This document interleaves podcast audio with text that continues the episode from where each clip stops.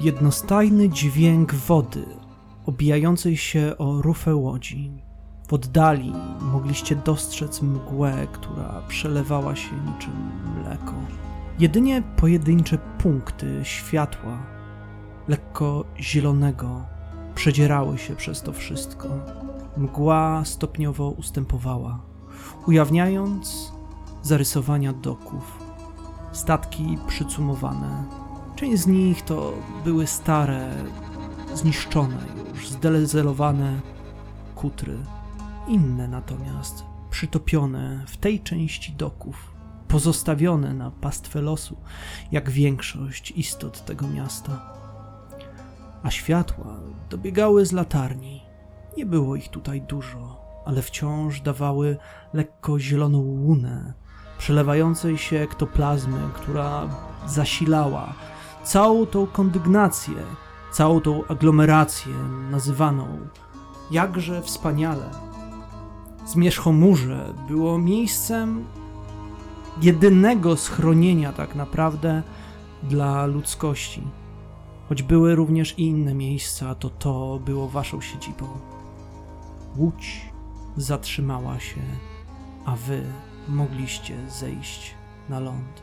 Ale zanim to się stało, przez moment każdy z was odbijało się refleksem, niczym zwierciadło, tak jak nazwa waszej szajki w lustrze wody.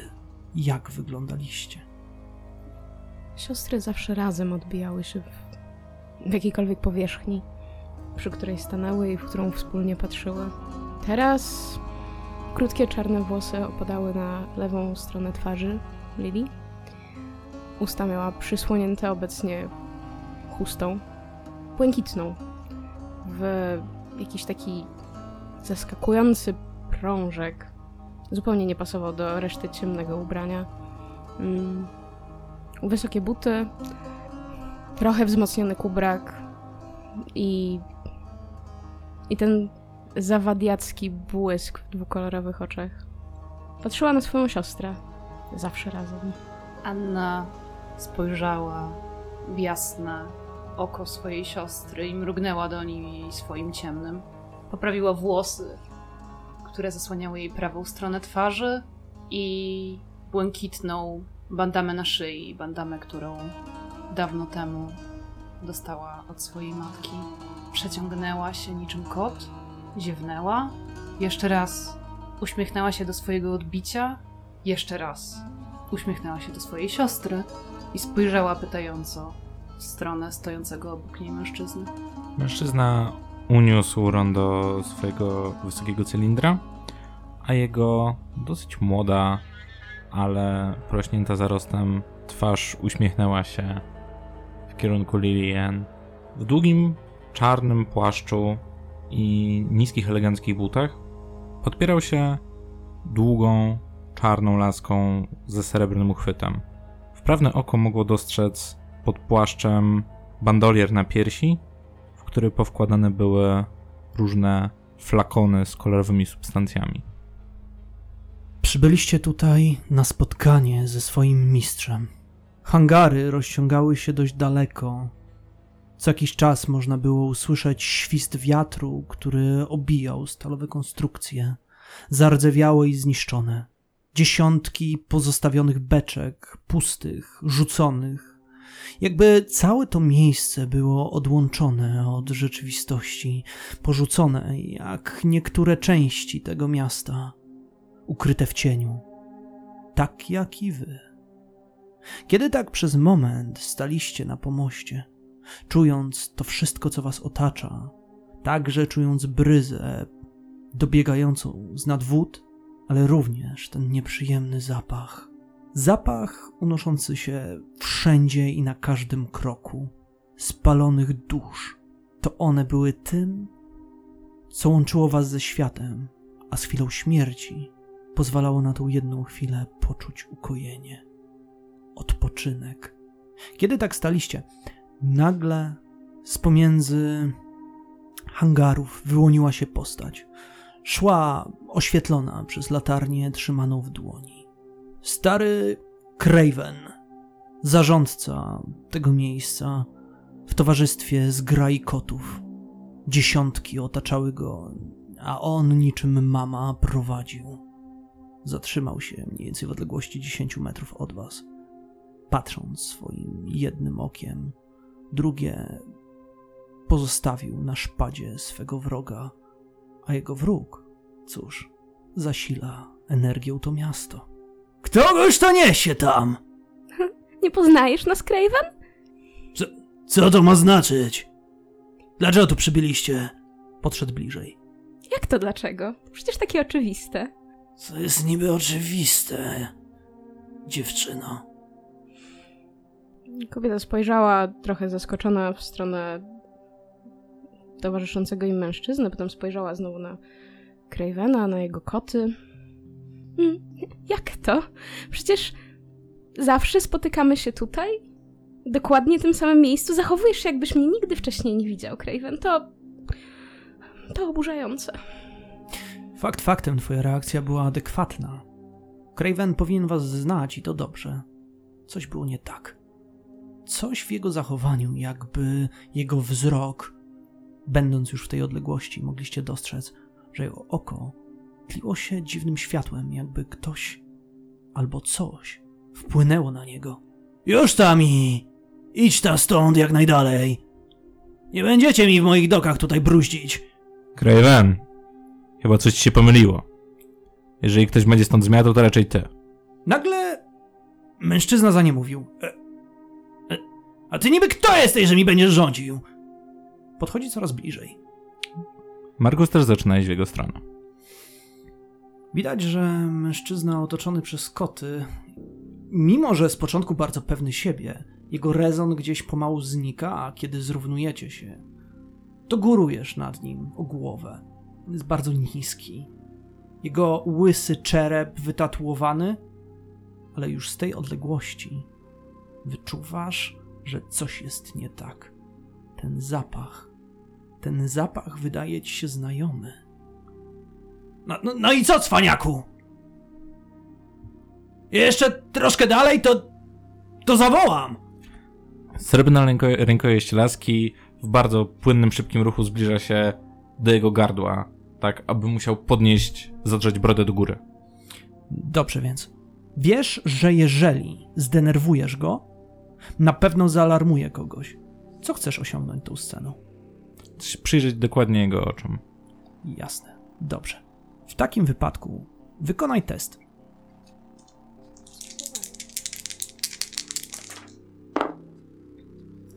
Okej, okay, wypadło mi 2 i 5. 5 to jest częściowy sukces. Dobrze. Widzisz, że on lekko się wycofał i w każdej chwili jest skłonny zaalarmować kogoś. Jednak masz na tyle czasu, by przyjrzeć się dokładnie jego oku.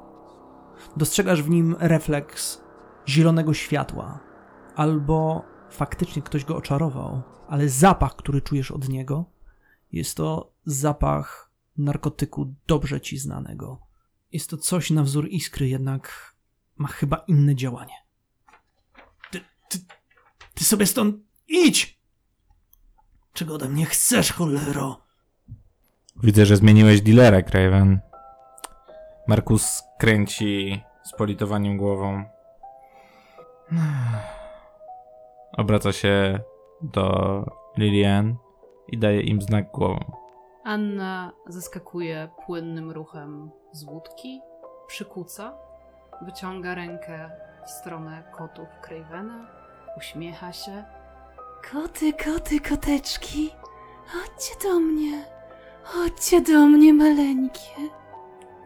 Znamy się, przecież się znamy, przecież się przyjaźnimy. Chodźcie do mnie, koteczki. Wy, wy chyba oszaleliście. Wy, wy jesteście jacyś szaleni obłąkani. Co, co, co to, co, co to ma znaczyć? I kiedy tak zbliżyłaś się do kotów, faktycznie one rozpoznają ciebie. E, jak, ale Wasza kocia mama nas dzisiaj nie zna. Kocia mama jest zła. Kocia mama jest nieszczęśliwa, ale wy mnie znacie, prawda, koteczki? Znacie mnie, znacie mnie dobrze. Moje małe skarby, Moje kochanie! Przytulam najbardziej puchatego kota. Wstaję i głaszcząc go uśmiecham się do Cravena. To był ten moment, kiedy dostrzegliście, że Craven nie wytrzymał. Oderwał się od twojej laski przytwierdzonej do jego brody i próbował zareagować. Co robicie? Markus w międzyczasie przygotował już swoją dmuchawkę z strzałką z trucizną. Teraz płynnym ruchem obróci się z powrotem przodem do Cravena, aby uśpić go. Wyciągnąłeś ją, ale co się wydarzyło, to chętnie się dowiem.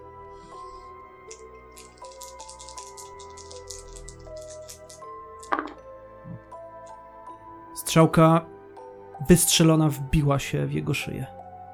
On wywrócił oczami i padł, a koty jego zaczęły rozbiegać się, miaucząc dookoła, niknąc gdzieś między hangarami.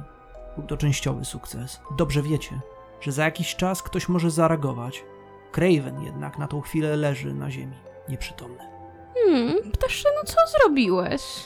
Hmm, Lili jeszcze głaszcze kota, który już wyrywa się, opiera się o swojej lasce, przeskakuje trochę z nogi na nogę. Hmm, niecelnie, niecelnie. Musimy się śpieszyć, bo niedługo ktoś do nas tutaj przyjdzie, a to by było bardzo, bardzo, ale to bardzo martwiące.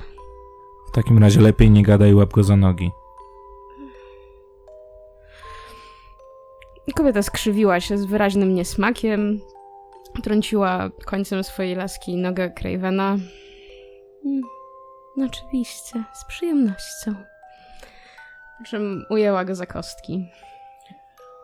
I tak złapaliście go przeciągając. Nie wiedzieć czemu, wiatr zmienił swój kierunek i mgła zaczęła ponownie otaczać okolice, a wy przeszliście pomiędzy hangarami w wyznaczone i znajome wam miejsce, w którym spotykaliście się ze swoim mistrzem. Jedyne, co was frapowało w tym wszystkim, jest to, że krakanie wron dookoła nie było normalne. Spora liczba wron zasiadała na starej lampie. Cztery z nich spoglądały w waszym kierunku, kiedy zbliżaliście się do dziury w jednym z hangarów, który właśnie był miejscem spotkania. Położywszy Cravena, wsunęliście się ciemną wnękę i tak też dostaliście do miejsca znajomego. Tutaj rozchodził się zapach oleju, słodkawy. Było dość ciemno. Żadnej latarni, a w pewnej chwili usłyszeliście rozbicie szyby i cień czegoś, co wyskoczyło na zewnątrz z dużym impetem, a chwilę później dźwięk jakoby rozłożonych skrzydeł. Anna natychmiast rzuca się w stronę okna, żeby złapać jeszcze ostatnie mgnięcie tego czegoś, co znika za horyzontem. Wiedzieć, w którą stronę się udało. Nie ma tutaj większego ryzyka, ale jest dość istotne, czy uda ci się dobiec. To jest pięć, czyli sukces z konsekwencjami. Oczywiście, słuchaj. Ruszasz czym prędzej w kierunku okien. Podbiegasz, są one zakurzone, stare, przecierasz ręką, by dostrzec cokolwiek. Zauważasz łodzie, które obijają się między sobą, ale gdzieś ponad tym wszystkim dostrzegasz kształt. Jest on mniej więcej wielkości zwierzęcia dość dużego, może konia. Skrzydła sporych także rozmiarów, rozłożone, a na ten jeden moment na tle trzech księżyców można dostrzec postać. Cień nocy, niczym nietoperz, unosi się, a chwilę później opada z dość szybkim impetem. Ty natomiast czujesz pod swoimi stopami rozbite szkło, a konsekwencją w tym wszystkim jest to, że także pobliskie trupie wrony zasiadające na latarni spojrzały gdzieś w twoim kierunku. Tak ci się wydawało, jednak spoglądały gdzieś do wnętrza hangaru. Siostro, siostro, siostrzyczko. Rozdziobią nas wrony. Rozdziobią nas wrony, jeżeli się nie pospieszymy. O, zawsze taki pośpiech. Lili uderzyła obcasem w kawałki szkła. Ach, tak, y, Tylko co, co to było, siostrzyczko? Widziałaś? Wielkie niczym koń, latające niczym nietoperz, skrzydlate i dosyć przerażające, tak jak co drugi mieszkaniec naszego wspaniałego miasta. Hmm, Jak zawsze poraża mnie twój optymizm. Markus przypadł do krawędzi, do ściany hangaru, kiedy usłyszał trzaskające szkło. Teraz metodycznie przesuwa się od jednej płaszczyzny do drugiej, sprawdzając, czy na pewno nie ma nikogo więcej. Rozglądasz się, widząc jak towarzyszki przyglądają się czemuś przez okno, ale ty bacznie obserwujesz wszystko dookoła. To był ten moment, kiedy z pomiędzy chmur wyłoniły się księżyce. One dostrzegły jedno, ty dostrzegłeś zupełnie coś innego. Wpierw znajomy szkarłat, szkarłat krwi, a następnie coś leżące na ziemi, obok niego rozbita latarnia. Ciało leżało w bezruchu, martwe. Biedak. Co mu się mogło stać? Lili odwraca głowę od jakże zajmującego widoku trzech księżycy, idąc w stronę głosu swojego towarzysza. Zaraz jej twarz wykrzywia się w jakimś bardzo teatralnym grymasie przerażenia mieszanego z obrzydzeniem. Och nie! Co tu się... Ale, ale jak to? Przypada na kolana, bierze głowę nieszczęśnika w ramiona. To był ten moment, kiedy złapałaś głowę i ją odwracasz, a twarz starego mężczyzny z przystrzyżoną siwą brodą i znajomą blizną przechodzącą przez pół twarzy Hawela. Szelonga, waszego mistrza, znajdowała się, a właściwie on znajdował się martwy. Ktoś go zabił, nim zdołał przekazać wam jakiekolwiek informacje. Anna wstaje i otrzepuje ubranie z resztek pyłu, czy może krwi, która nagromadziła się na nim, kiedy przypadło do ciała swojego dawnego mentora. To chyba jest moment na jedną z twoich sztuczek, drogi Markusie, bo nam już nie odpowie. Spoglądając w kierunku Markusa, dostrzegłaś, jak przez rozbite szkło wleciała pierwsza z wron, wyczuwając, jak resztki ektoplazmy wyciekają z ciała.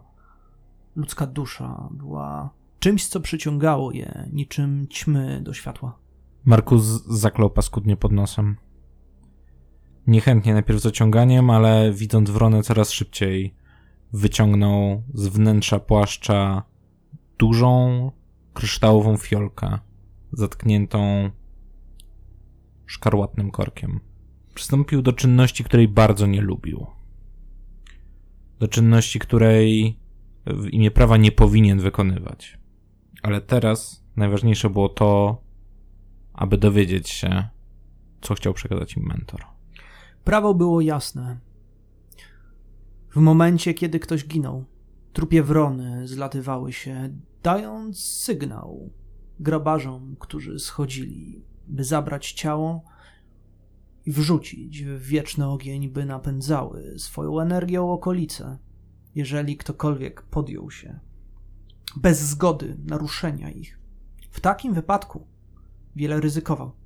Z każdą chwilą dostrzegaliście, jak kolejne wrony dostają się do wnętrza, kracząc nerwowo i chodząc po kondygnacjach podtrzymujących hangar. Niewiele czasu było potrzeba, nim jakikolwiek grabarz pojawiłby się w tym miejscu. Kiedy przyłożyłeś fiolkę, wiedziałeś dobrze, jak zareagować, wykonując gesty. A wy dostrzegłyście, jak energia i światło przelewa się do wnętrza. Kto by pomyślał, że w procesie umierania można znaleźć tyle piękna, prawda, siostrzyczko? Hmm, błyszczy. Hm.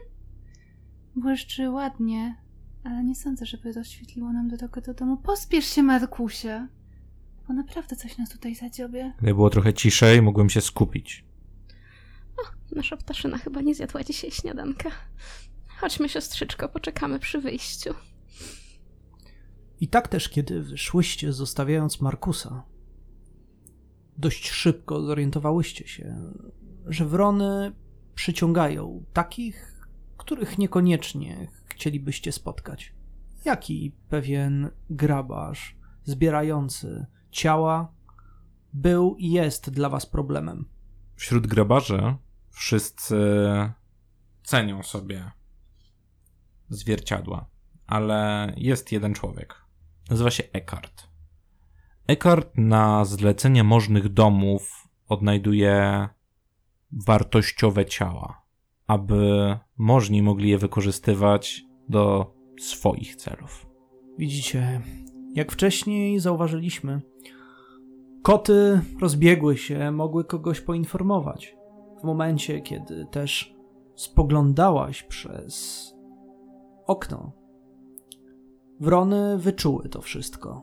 Ku waszemu nieszczęściu, niejaki Eckhart mógł znaleźć się także i w tym miejscu. Z pomiędzy mgły dostrzec wpierw można było olbrzymi kształt. Był to wór, który nosił na plecach, wypełniony dziesiątkami przeróżnych przedmiotów. Słychać było dźwięk niczym grzechotki, kiedy się zbliżała, pęki klucz przy jego pasie były charakterystyczne dla tej postaci. Szedł opierając się o kostur, który dość w krótkim czasie można było zauważyć, że był jednostrzałem, bronią palną. Mężczyzna był mocno zbudowany, lekko kulał na prawą nogę. Kiedyś wdał się w bójkę z niejakim Markusem. Nienawidził go. Anna nasuwa sobie na usta błękitną łapaszkę i mówi jeszcze cicho do siostry. Siostro, siostrzyczko moja droga, jeżeli go teraz zabijemy, będziemy mogli urządzić drogiemu metodowi pochówek, na który zasługuje. Nikt nie będzie wiedział, że zginął tutaj więcej niż jeden człowiek. Lili zmarszczyła brwi. Mamy na to czas, siostrzyczko? Czy aby na pewno? Wszak, jeżeli jeden przyszedł, to zaraz będzie ich więcej. A ptaszyna, no, ptaszyna traci, traci czas. Ale jeżeli przyjdą kolejni, a ten będzie martwy, to jego ciało zabiorą. Jest w tym trochę racji. Rób co chcesz, ja, ja popilnuję. Jedna z wron wylądowała na wyciągniętej dłoni grabarza, a ten odezwał się do niej tak, że mogłyście go usłyszeć. A, moja droga, czuję, że wyczułaś. Gdzie mogę znaleźć ciało? Czyżby to było to, o którym mówiono? Czuję ten zapach, słodki zapach pieniędzy, dukatów, który spłynął prosto do mojego garnka. Wskaż mi drogę. Leć! Uniósł dłoni, a wrona poderwała się w powietrze. On ruszył za nią. Masz rację, siostro. Idź przodem. Pójdę tuż, za, będę dwa kroki za tobą. Anna otula się szczelnie peleryną, robi trzy kroki do tyłu, żeby wtopić się półmrok otulający hangar. I sądzę, że po prostu poczeka, aż Eckhart podejdzie dostatecznie blisko, jako że i tak tu po ciało, które znajduje się za drzwiami, przy których ona stoi. I co następnie planujesz zrobić? Następnie planuję wyrwać mojej siostrze jej ukryte ostrze i jednym płynnym ruchem poderżnąć nim gardło porywacza zwłok. Dobrze więc. W takiej sytuacji będzie to dla ciebie akcja ryzykowna, ponieważ, e, no, biorąc pod uwagę, że próbujesz naprawdę podjąć się czegoś mm, e, niebezpiecznego, ale jednak, jako że jest to wróg twojego kompana Markusa, w takiej sytuacji efekt będzie na to dość duży, ponieważ dzięki temu pozbędzie się kłopotów w przyszłości. A tym samym, jako że nie jest to walka bezpośrednia, to myślę, że możesz wykonać test na przemykanie.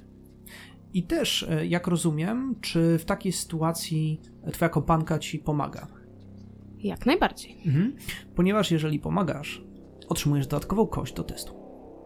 Fantastycznie. To oznacza, że rzucam czterema kośćmi, bo trzema bazowo i jedną od Zuzy. To jest bardzo dużo.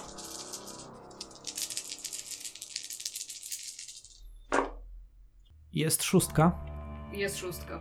Dobrze więc, posłuchaj mnie. Kiedy grabarz nachyla się przez wejście, ty niczym cień stajesz za nim, górujesz. Oświetlona przez moment, przez latarnię, która wyłoniła się z pomiędzy mgły, on dostrzegł jedynie twój cień. Odwrócił się, ale nie zdążył już wypowiedzieć słowa. Jedynie twoje ostrze przecięło szyję a on zastygł przez moment, próbując cokolwiek powiedzieć, ale padł przed tobą. Ostrze z mroku wykonało swoje zadanie. Lili skrzywiła się z niesmakiem, strzypując krew z, ze swojego ostrza, żeby wytrzeć jeszcze resztki o ubranie mężczyzny i schować je z powrotem do laski. Siostrzyczko, chyba najwyższa pora, żebyśmy kupiły ci twoje własne zabawki. W ten sposób zniszczysz w końcu laskę. Zanim cokolwiek odpowiedziała, w przejściu pojawił się Markus. Trzymał lśniącą fiolkę. Dostrzegłeś, Markusie, leżące ciało przed wejściem i od razu rozpoznajesz mężczyznę. Markus y, szedł z zafrasowaną miną, wpatrując się w błyszczący, błyszczące szkło. Kiedy dostrzegł na ziemi postać, zatrzymał się gwałtownie. Co do? Nie musisz dziękować. No tak. A teraz tak pomyślałyśmy, że dobrze by było, gdybyśmy zabrały ciało, zabrali, bo ty również będziesz w tym brał udział, ciało mistrza z nami na statek. W ten sposób nikt się nigdy nie dowie, że umarł. Dobrze więc. Zabierzmy je, ale co chcecie z nimi później zrobić? Um, hmm, może spalić? To brzmi jak godny pochówek, do którego nikt więcej już nie przyleci. Czasu było mało. Spora grupa wron już otoczyła ciało. Krakały donośnie, a hangar tym bardziej basowo roznosił ich dźwięk dookoła. Markus chwycił swojego mistrza pod ramiona i podniósł go do góry, ciągnąc po ziemi. To był ten moment, kiedy wasze pierwsze zadanie, poważniejsze, miało się rozpocząć. Niefortunnie złożyło się tak, że łączyło się ze śmiercią kogoś ważnego, a wy udaliście się do mroku tak, by nikt was nie zauważył, by zacząć to, co rozpoczął wasz mistrz. Ale co was czekało, tego jeszcze nie wiemy. Gdzie się udaliście i dlaczego? Chętnie się dowiem. Myślę, że zaczniemy od tego, że udamy się faktycznie pochować naszego mistrza. Albo przynajmniej przeprowadzić swego rodzaju mm, pożegnanie. Znaczy, musimy się dosyć szybko pozbyć ciała, tak czy siak. Tak. E, I myślę, że stamtąd wyruszymy sobie na jedwabny brzeg, Dokładnie jest takie miejsce. gdzie pójdziemy do mglistej grani szukać. E, Przyjaciółki Markusa. tak, która nazywa się. Lewira. I jest medium. Bo naszym celem jest to, żeby porozmawiać z naszym mistrzem ten ostatni raz, zadać mu to ostatnie kluczowe pytanie, żebyśmy już mogli zaplanować, co tym razem nasza szajka będzie kombinowała. Dobrze. Pożegnanie mistrza. Niestety musiało odbyć się w dokach. Noszenie ciała było niemożliwe. Dlatego też wybraliście najbardziej odpowiednie miejsce. Jakie to było miejsce? Myślę, że było to miejsce, które było najbardziej już wysunięte w wodę. Jakiś taki cypel, który jest wiecznie zalewany, ale w tym momencie, kiedy woda była dosyć nisko, spokojnie mogliśmy na nim złożyć ciało. Mistrz zawsze lubił się wyróżniać. A i myślę, że tam ułożyliśmy na prędce jakiś stos, po czym dzięki Markusowi i jego niesamowitym zdolnościom i dziwnej chemii, którą nosi przy sobie, a po prostu rozpaliliśmy bardzo gorący ogień, który pochłonął zwłoki. Tak też stojąc na skałach, obserwowaliście ogień. Jednocześnie nad waszymi głowami co jakiś czas przebiegały iskry od energii chroniącej to miasto. Pożegnanie może nie było najwspanialsze, ale dla was było wyjątkowe, jedyne w swoim rodzaju. Zapamiętaliście je bardzo dobrze. I tak też pod osłoną wiecznej nocy udaliście się w kierunku jedwabnego brzegu. Jest to wyjątkowe miejsce, ponieważ ciągną się tutaj dziesiątki, a może i setki kanałów wąskich, drobnych, gdzie można przepłynąć łódką. Także domostwa piętrzą się na sobie, nabudowywane kolejne kondygnacje, schody biegnące niczym w labiryncie, który tutaj jest bardzo przytłaczający. Ale także to miejsce, w którym można usłyszeć muzykę, dźwięki, śmiechy. To tutaj zbiega się cała bohemia, artyści, którzy tutaj przybywają, uwielbiają spędzać czas na rozmowach, przy sięganiu po nie tylko alkohol, ale inne substancje. Jest to także miejsce, gdzie można porozmawiać z nieumarłymi. I faktycznie, Markusie, jest tutaj twoja znajoma, medium. Weszliście, otwierając drzwi i mijając zasłonę, lekko przezroczystą, różową, unosił się tutaj zapach kadzideł, duszący dość, nieprzyjemny. Jedynie kruk, który siedział w pomieszczeniu, spoglądał na was. Okrągły stolik na środku i półki powypełniane setkami drobnych fiolek, a za drzwi, które były uchylone i dobiegało delikatne światło, weszła kobieta. Miała ona nietypową urodę, lekko ciemniejszą karnację. Mało tu było takich. Uśmiechnęła się, kiedy zauważyła Markusa. Cóż cię przywiało, mój drogi? Witaj. Markus e, uśmiechnął się szeroko, przestąpił błyskawicznie parę kroków, aby znaleźć się blisko kobiety i objął ją na powitanie. Ona również to zrobiła i w jednej chwili lekko się odsunęła. Cóż się stało? Czuję to po tobie. Jeszcze resztki śmierci otaczają ciebie. Niestety, moja droga, nie przychodzę dzisiaj w czysto towarzyskich celach. Właśnie to czuję. Nie musisz nic mówić. Ktoś jest z tobą poza nimi, tak? Mhm. Markus odsłania pół płaszcza, ukazując świecącą kryształową ampułkę. Ona wyciągnęła palce w jej kierunku. Weź. I o co chcesz mnie prosić? Musimy się dowiedzieć, co chciał nam przekazać. Czemu chciał się z nami tam spotkać. Ale rozumiesz, że to, to jest trudny proces. Jeżeli prosisz o coś takiego, jego energia e, rozpłynie się, przestanie istnieć. Myślę, że w gruncie rzeczy jest to bardziej optymalne niż zasilanie wielkiego pieca. Nie o tym mówię, nie mów herezją, zresztą twoja siostra wyraża się znacznie, znacznie lepiej. Siostra spogląda na medium niczym dziewczynka przyłapana na kradnięciu cukierków, ponieważ właśnie wyciągała rękę w stronę kruka należącego do lawiery. Myślę, że to, co siostra najdroższa chciała przekazać, to bardziej to, że mistrzowi należy się odpoczynek, spokój i spełnienie jego ostatniego życzenia, madame. Jak mam rozumieć, to ostatnim życzeniem jest to, żeby. Spełnić jego ostatni cel? Dobrze, więc posłuchajcie. Mogę wam pomóc, to prawda. Ale wiesz, że prosisz mnie o bardzo dużo, Markusie. Takie działania są na granicy prawa, ale nie tylko prawa ludzkiego.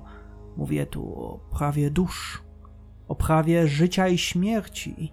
Jakikolwiek błąd z mojej strony może przyciągnąć inne dusze, ale także może pobudzić studnie dusz, które gdzieś mogą się znajdować. Takie coś przyciąga najgorszych i najgorsze zjawy.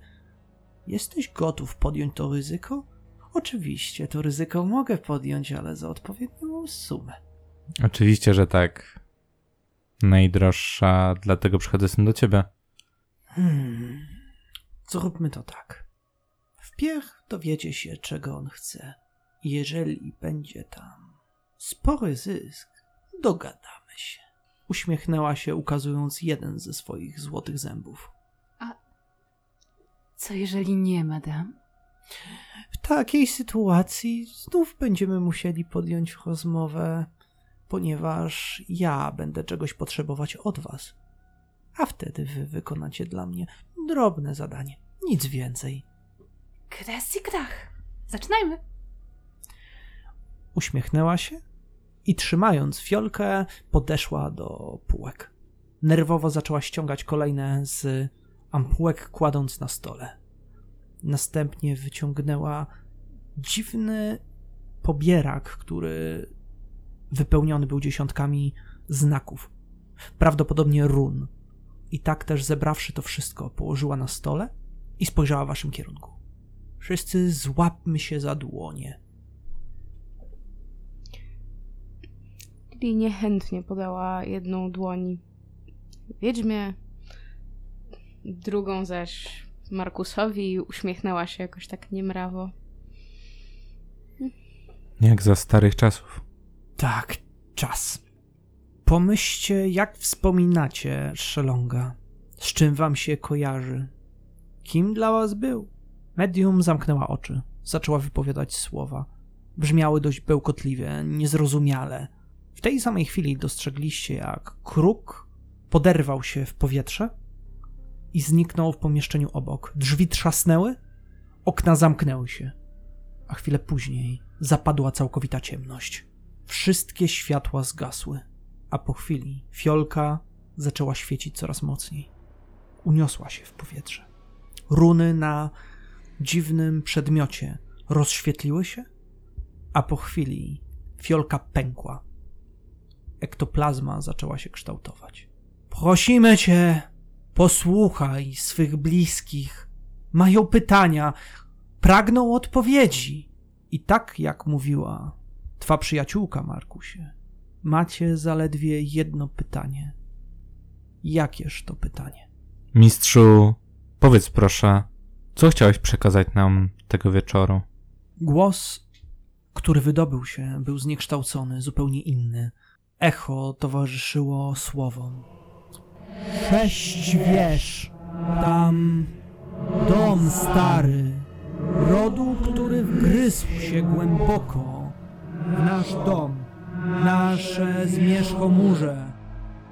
Wgryzł się domu tym ród stary, z karloków, a młody ametyst trzyma władzę najbliższej nocy.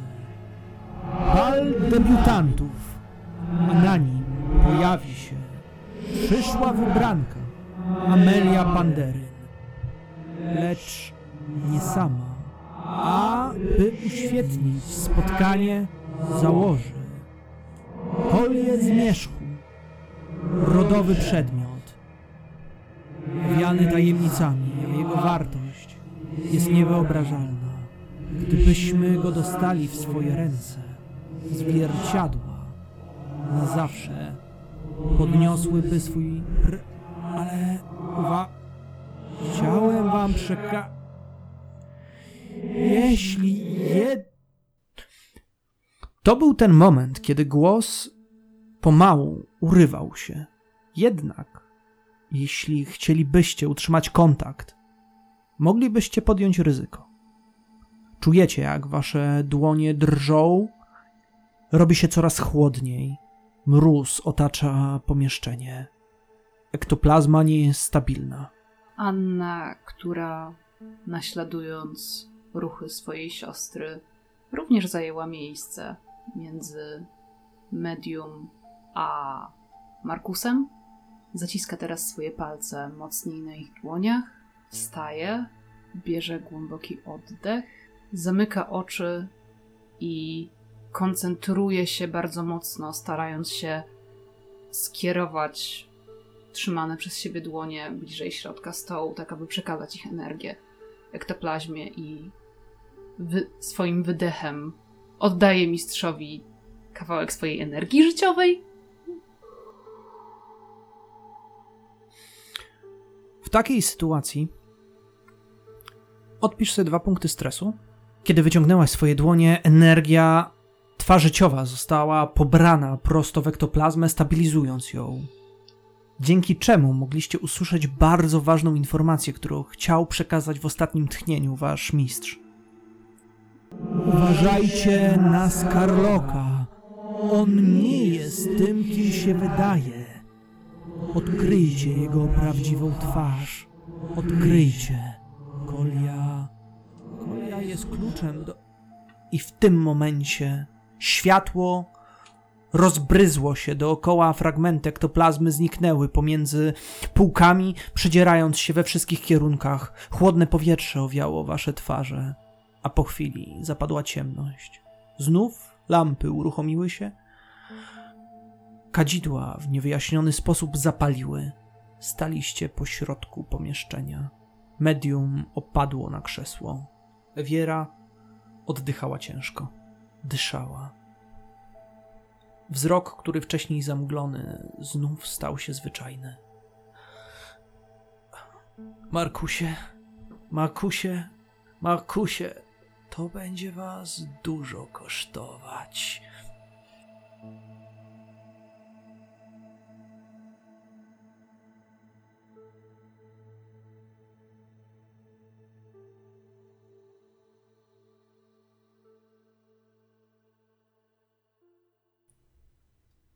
Markusie, wyszedłeś na zewnątrz. Powietrze było dość stęchłe, kanały wąskie, więc tym samym przepływ wody był nieznaczny. Zawsze tak tutaj było. Mimo, że nazywał się Jedwabnym Brzegiem, to miał tą nieprzyjemną cechę. Nie wiedzieć czemu twoja przyjaciółka, medium, poprosiła, by twe kompanki pozostały tam chwilę dłużej. Ty, nie marnując czasu, udałeś się do siedziby. Po mniej więcej godzinie drzwi otworzyły się i wróciły. Kiedy weszłyście do środka, miejsce to jak można było opisać? Właściwie też jak wyglądał budynek? Jak wyglądała wasza siedziba? Kto tam był? Myślę, że jedno słowo, które doskonale opisuje naszą siedzibę, to eklektyczne. Wygląda trochę jak złożone z setek różnych, niepasujących do siebie fragmentów, które tworzą zaskakującą całość. Trochę jak cała szajka zwierciadeł. Budynek jest, myślę, że bardzo podobny do tego, jak zbudowane są te na mglistej grani, ponieważ jest dosyć wąski, dość wysoki i wygląda jakby był dobudowywany raz na jakiś czas i te kondygnacje do siebie nie pasują. Czyli to oznacza, że jesteście w okolicy mglistej grani, jak rozumiem. Myślę, że tak. Najlepiej się tam czujemy. Kiedy otworzy się drzwi, chyba najbardziej zaskakuje to jedno centralne okno na południowej ścianie, które jest niesamowicie barwnym witrażem. Dzięki czemu setki kolorów, kiedy tylko księżyce zaświecą odpowiednio, albo przez te kilka minut, kiedy fragmenty słońca rozbłysną na niebie, rzucają kolorami po całym pomieszczeniu, czyniąc je na swój sposób magicznym, ale też nadając temu pomieszczeniu nieco okultystycznego wyrazu. Meble nie pasują do siebie w najmniejszym stopniu.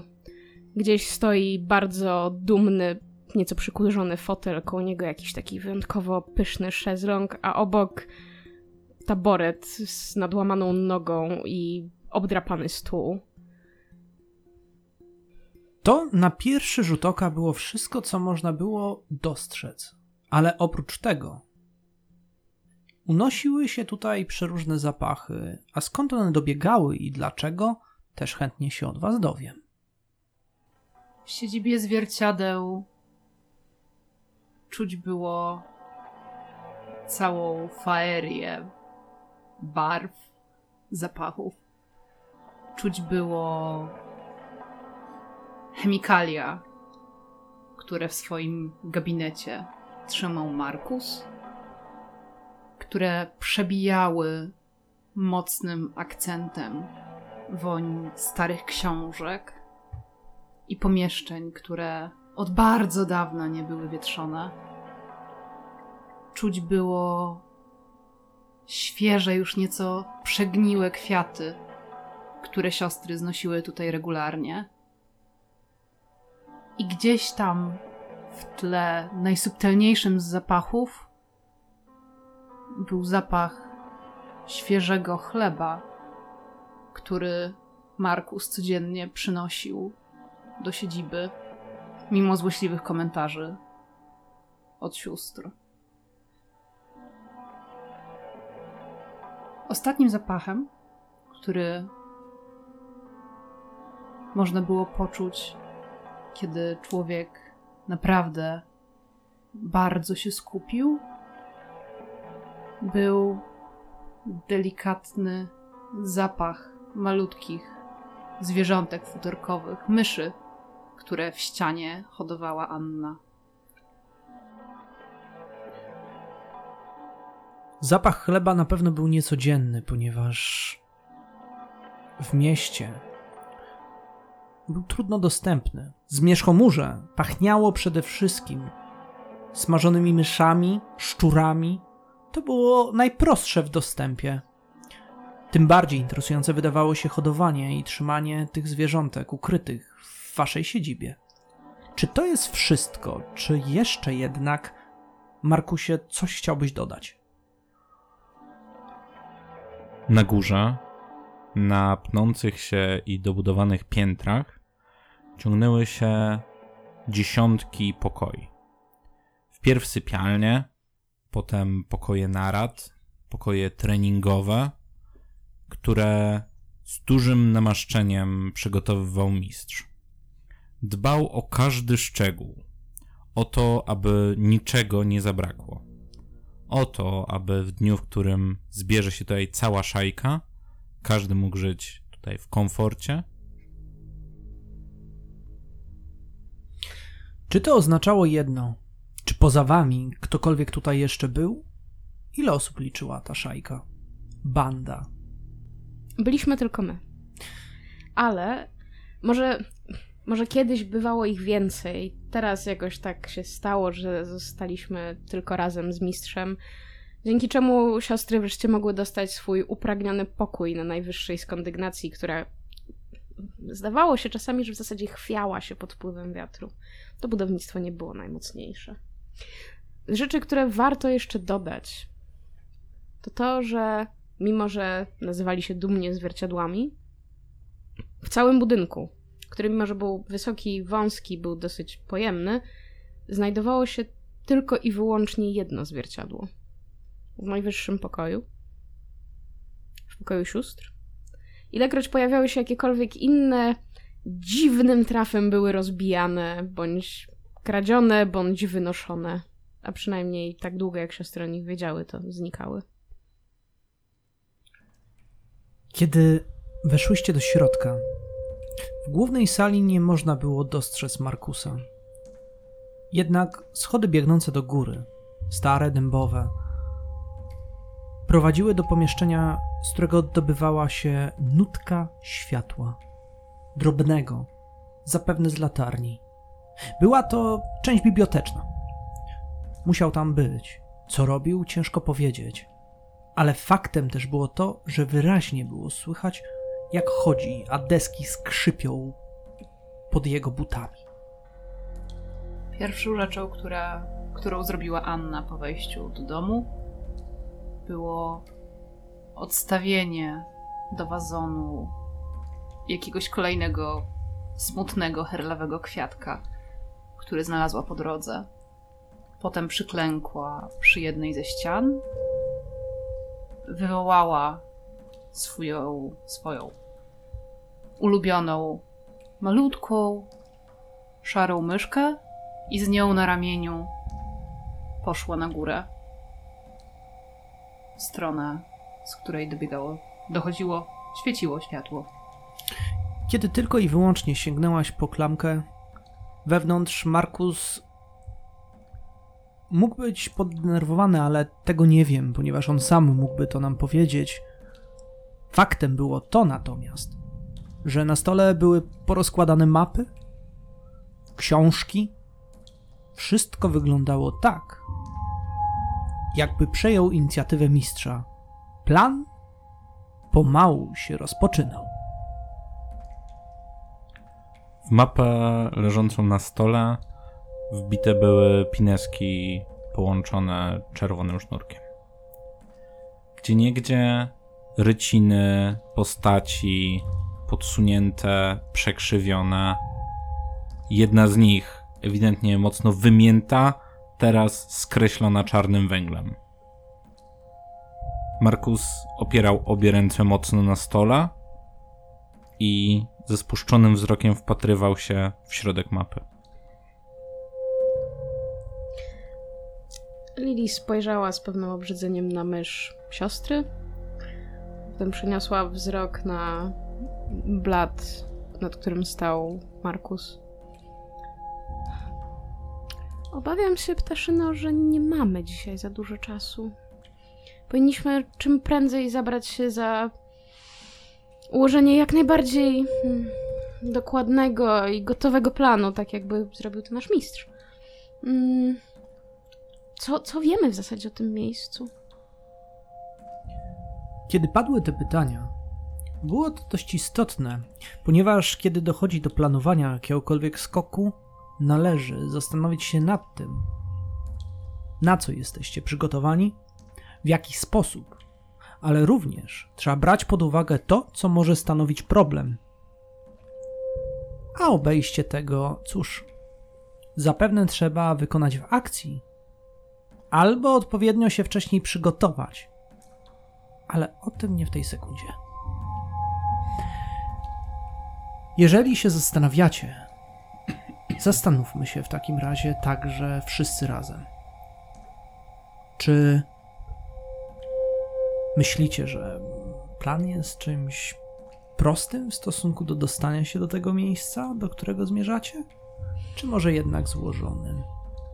Cóż, siostry na pewno są młode.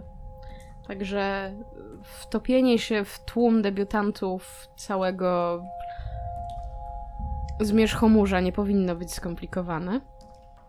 A, także ta część jest prosta.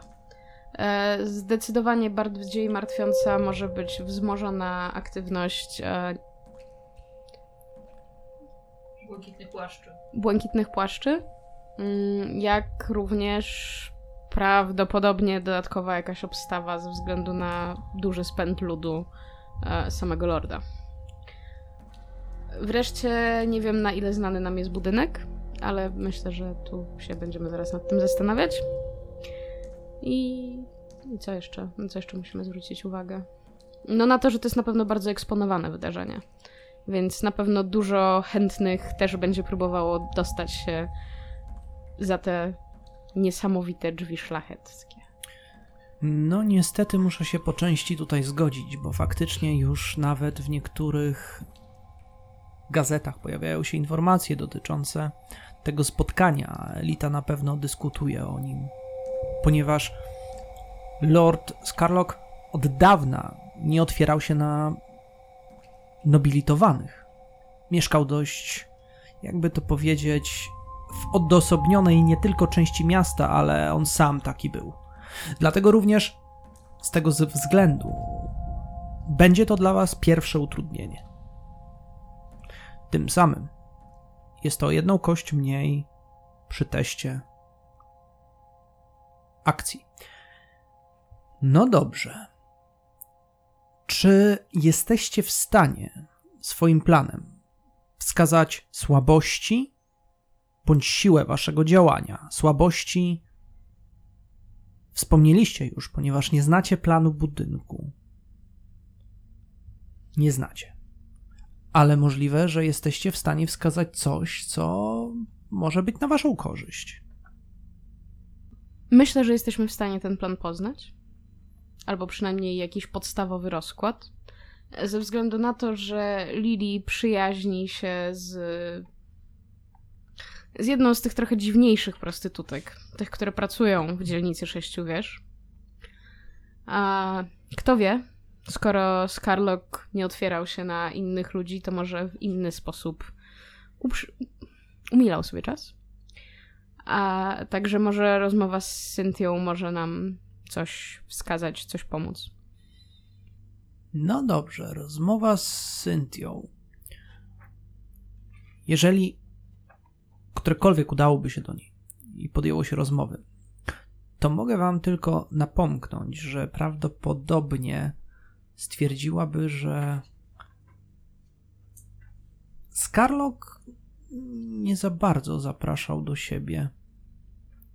Jednak od czasu do czasu zdarzały się sytuacje, że ktoś tam poszedł.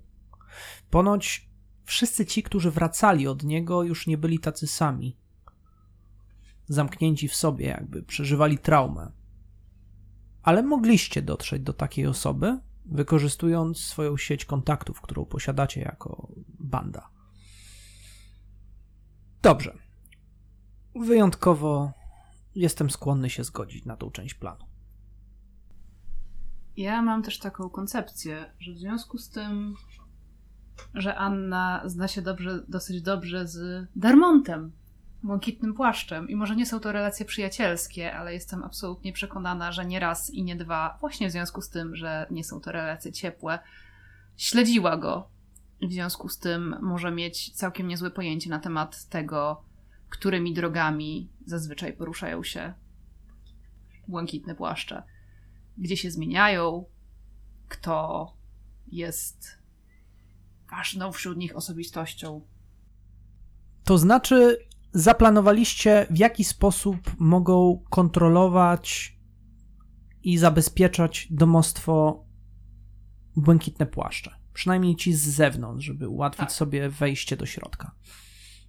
Dobrze. Tutaj myślę, że możemy dojść do konsensusu i dostajecie drugą dodatkową kość, ponieważ wcześniejsza sytuacja wyzerowała problem złożoności zadania.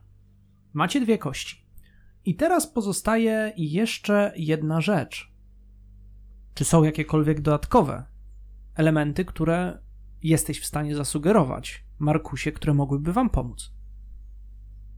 Wiemy przede wszystkim, jaki główny podstęp chcemy zastosować, aby otrzymać kolię.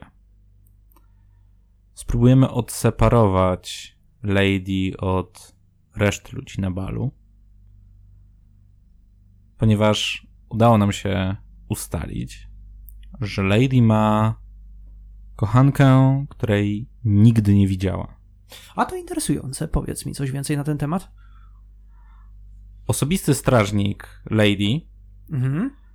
jest człowiekiem używającym iskrę. Niestety, dla nas stety, zadłużył się u paru dealerów i jedyną osobą, która w tej chwili dostarcza mu iskrę jest Markus. Udało mu się dowiedzieć, iż Lady wymienia listy z tajemniczą kobietą, Tak. a treść tych listów jest co najmniej pikantna. O, mają pierwszy raz zobaczyć się na balu debiutantów. No dobrze, ale to oznacza dwie rzeczy. Troszkę zagrałeś w takiej sytuacji, przedstawiając to przeciwko wam, i ja to wykorzystam, bo jeżeli wiecie, że ona ma się tam pojawić, i jeżeli ona pierwsza dotarłaby do e, drogiej. A E, co jeżeli by nie dotarła? a, to o Albo tym już będziemy co by się okazało, Mhm. gdyby przypadkiem, no nie wiem, ktoś inny wymieniał listy od pewnego momentu z Lady Amelią. Tego nie wiem, dlatego w takiej sytuacji ja dam kości na zero, to nie będzie dodatkowa kość. Wykonacie rzut i w zależności od tego, w jakiej sytuacji będziecie postawieni, to tak też rozpocznie się wasza akcja. No dobrze, macie dwie kości, poproszę o rzut. Bang, bang, to jest szóstka! O, faktycznie, jest to szóstka. No dobrze, słuchajcie, kiedy tak siedzieliście przed planem, rozkładając wszystko dookoła, za oknem zawiał wiatr, a do drzwi na dole można było usłyszeć pukanie. Dość donośne, nerwowe. Markus zbiegł w pośpiechu na dół. Stanąłeś przed drzwiami. Słyszysz, że po drugiej stronie ktoś przestępuje nerwowo z nogi na nogę. Markus przykłada ucho do drzwi i dosyć donośnym głosem mówi hasło. Cień nocy najwcześniej świeci o północy. Markus otwiera drzwi w pierwszej chwili powoli, a potem gwałtownie przestępując przez próg. Do środka wpada umrusany chłopak o blond włosach. Ma przewieszony przez plecy worek wypełniony jakimiś dokumentami. Ma także w ręku srebrny pierścionek z diamentem. Dobry wieczór. Nikt cię nie śledził? Nie, absolutnie, nikt. Markus zamyka drzwi. Pierścionek jest w ramach dowodu. Tak jak prosiliście. Mhm. Tak, Ogar zajął się nią, zanim dostała się na bal. Znakomicie. To, to dowód. Chłopiec podaje ci pierścionek. Przyglądam się dokładnie zdobieniom. Kiedy przyglądasz Grawerom. się zdobieniom i grawerom, dostrzegasz, dostrzegasz w wewnętrznej stronie pierścienia inicjały LV. Są to zapewne inicjały owej kobiety. Chłopiec patrzy na ciebie swoimi błękitnymi oczami. I, i, i jeszcze mam coś więcej. Mhm. Może się przydać kiedy indziej, ale myślę, że możemy się dogadać na zapłatę, prawda? Tak, tak. Są to plany pewnego budynku. W środku jest sporo dziwnych przedmiotów. Słyszałem o tym, że mają tam fiolki z duszami, ale ciii. Chodź, napijesz się czegoś ciepłego, zjesz coś. Em, pierwsza zasada cieni mówi jedno. Najpierw zapłata, a potem wychodzę. W zasadzie to dwie zasady. Chłopak spojrzał do góry, kiedy zauważył schodzącą po schodach postać. E, dobry wieczór? Hmm. Dobry wieczór. Zgubiłeś się? Nie, możemy porozmawiać o zapłacie, a ja mogę już stąd wyjść? Odmawiasz zaproszenia? Nie, nie, nie absolutnie nie, ale Ogar... Przecież tak nie wolno. Ale, ale Ogar chciałby, żebym wrócił ją Ale wejdź do środka, napij się z nami wina. Możesz zjeść świeżego chleba. Markus zawsze przynosi bochenek. To takie urocze. Myślę, że w tym wypadku Anna, widząc co planuje siostra, przywołuje na swoją twarz swój najsłodszy z możliwych uśmiechów, żeby pomóc jej w tym jakże skomplikowanym dialogu z młodym człowiekiem. Pięć. No dobrze, udaje ci się, ale gdyby cokolwiek stało się chłopakowi, mielibyście ogara na plecach, a tego nikt nie chce. Myślę, że nie. Czyli nie chcesz przyjąć tych konsekwencji? Absolutnie nie. Będę je odpierać. Okej. W związku z tym rzucę kością sześciościenną i zobaczymy, co z tego wyjdzie. Otóż pięć. 5. To oznacza, że od 6 odejmujemy 5, 1, czyli otrzymujesz 1 punkt stresu, e, co jest absolutnie bardzo dobrym wynikiem. Chłopak kontynuuje dalej. Ja, ja muszę dostać się do swojego pana. Ogar na mnie czeka, ale z drugiej strony Ale czy pięć minut kiedykolwiek kogokolwiek zbawiło, chłopcze?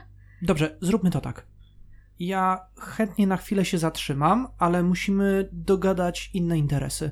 Jeżeli będziecie czegoś ode mnie potrzebowali, to tak pusto dosyć u was coś tutaj ostatnio. A gdzie jest mistrz? Chłopak zaczął iść w kierunku kuchni. Wszyscy są w terenie. A, rozumiem. E, gdzie jest ten chleb? Zaraz ci ukroję, usiądź przy stole. Umyłeś ręce? Co? Markus przechodzi przez kuchnię i wskazuje ręką na zlew. Macie bieżącą wodę? A czy wyglądamy na dzikusów? No dobrze, to jasne. Sfrapował się i podszedł do zlewu. Odkręcił, a z wnętrza można było usłyszeć głuchy stukot, rumor. Woda za bardzo nie leci. E, chyba coś nie działa, nie wiem. E, odwrócił się i patrzy w waszym kierunku. Wiesz, spróbuj uderzyć trzy razy od góry rurę. Jeżeli dalej nie zadziała, zakręć i odkręć jeszcze raz. Czasami pomaga. A, dobrze. Chłopak odwrócił się i zaczął uderzać dość mocno. Podczas kiedy nasz młody gość uderza w rurę i robi wszystkie inne magiczne czynności, które mają spowodować pojawienie się bieżącej wody, Anna przewraca teatralnie oczami, bierze nóż do chleba e, który wyciągnął na wierzch e, Markus. Podchodzi cicho, przekrada się wręcz do młodego człowieka i spróbuje powtórzyć sztuczkę. Myślę, że już raz jej się Mhm. udała. tutaj mogę powiedzieć, że waszym celem było to, aby on stąd nie wyszedł, prawda? Zdecydowanie. Więc tamten rzut określał właśnie dokładnie to. Chcieliście go zatrzymać, żeby nie wyszedł z tego miejsca. Tym samym ostrze przecięło, a szkarłat jego krwi Poleciał znalazł, prosto do zlewu. znalazł się w zlewie faktycznie. I akurat wtedy popłynęła woda. Niekoniecznie świeża. I myślę, że możemy to chwilę zatrzymać w takim kadrze, widząc jak tępy wzrok chłopaka spogląda prosto na twarz kobiety. No dobrze. Wasz plan osiągnął maksymalny sukces. To oznacza, że jest wam znacznie, ale to znacznie łatwiej ruszyć z tym wszystkim. Jak zwykle była noc. Pojedyncze fragmenty słońca, które niegdyś rozbiło się na nieboskłonie, dawało tylko i wyłącznie drobne światło. Rzędy latarni w tym miejscu oświetlały wszystko dookoła zielonym, przyjemnym światłem, świadczącym o tym, że znajdujecie się w ukochanym przez was mieście. Ukochanym, ponieważ znaliście tę ulicę, znaliście to miejsce, wiedzieliście, jak tutaj się poruszać, a z każdą chwilą, kiedy zbliżaliście się do siedziby Skarloka, jedynie spoglądaliście co jakiś czas w kierunku najbardziej charakterystycznego elementu dzielnicy sześciu wież, zamku Rowanów. Malował się niczym stara gotycka ruina pozostawiona w tym jakże nowoczesnym mieście. Natomiast siedziba, drobny pałac, drobny to może nieadekwatne słowo, ale wyjątkowy. Rozświetlony w tej chwili przez latarnię, jak i również przepełniony zgiełkiem oraz zabawą. Co jakiś czas podjeżdżały kolejne z karoc, a ludzie wychodzili bogato ubrani. Ochrona jednak była dobrze przygotowana. Błękitne płaszcze na mechanicznych szczudłach przemieszczające się z dość dużą szybkością penetrowały okolice. Także w tym wszystkim widać było, że niektórzy z przyjeżdżających na bal przynieśli prezenty dla pana domu. Wy natomiast w tej chwili staliście w załuku, czekając na dobrą okazję, by wyjść i rozpocząć swoje działanie. Kiedy tak szliście, mijając te kosze wypełnione śmieciami, mijając te szczury, które rozbiegały się przed waszymi stopami, kontrastowaliście w tym momencie, podejrzewam, z tym, co was otaczało. Jak wyglądaliście przygotowani na tą uroczystość? Przodem szedł Markus w granatowym smokingu, pod którym złota kamizela zapinana na duże, mogły być diamentowe, ale zapewne zastąpione tutaj były jakimś tanim szkłem guziki. Nad złotą kamizelą wywinięty był szeroki fular, pełen prążków i karmazynowych oprzyć. Tak ekstrawagancko ubrany, wyciągał z pleców niebieską maskę imitującą słonia. Krokom sióstr przede wszystkim towarzyszył cichy stukot laski, nierozłącznej, kiedy to uderzała powoli o bruk. Kiedy uderzyła w jedną z kałuż po drodze, rozbiła odbicie. Kobiety w wyjątkowo pysznej sukni. Ciężka spódnica sięgała ziemi, szeleszcząc przy każdym kroku. Kobieta musiała trzymać ją delikatnie drugą dłonią, tak żeby przypadkiem misternie haftowany rąbek nie zamoczył się i nie ubrudził o ulicę. Suknia była w kolorze głębokiego fioletu i w zasadzie jedynym jasnym elementem była nieśmiertelna, błękitna chusta, która przepasała ją w pasie. Góra sukni była dosyć zaskakująca, ponieważ przypominała górę fraka. Rękawy były długie, zaś z tyłu powoli huśtały się typowe dla marynarki fraka Poły. poły.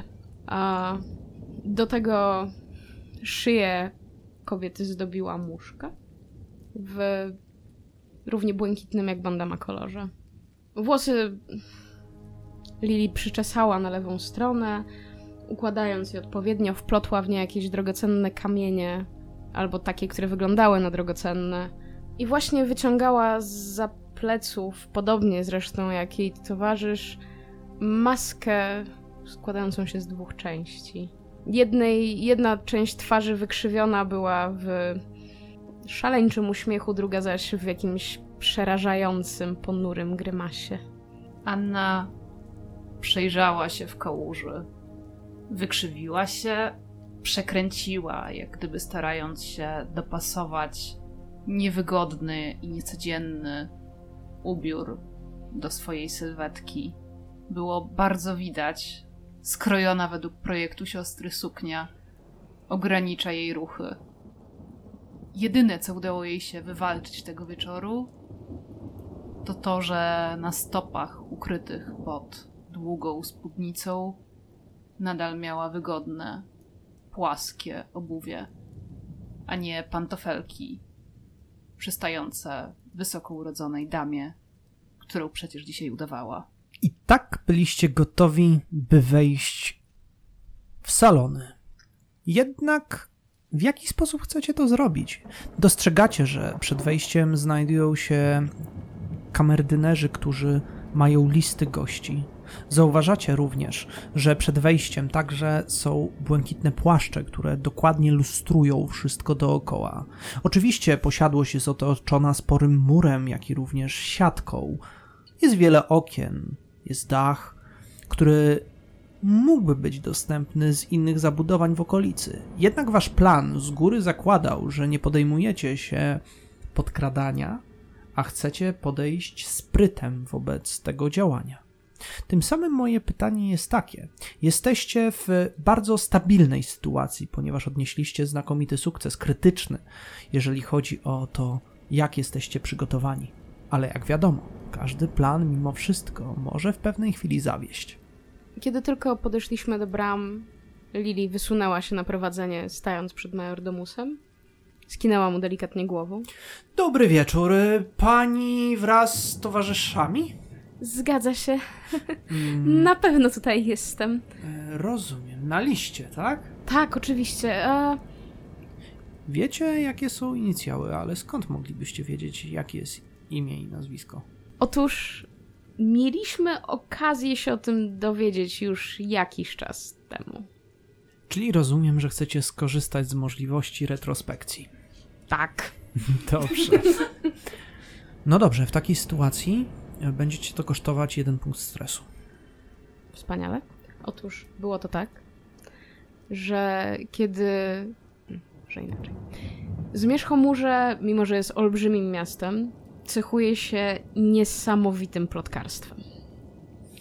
To prawda.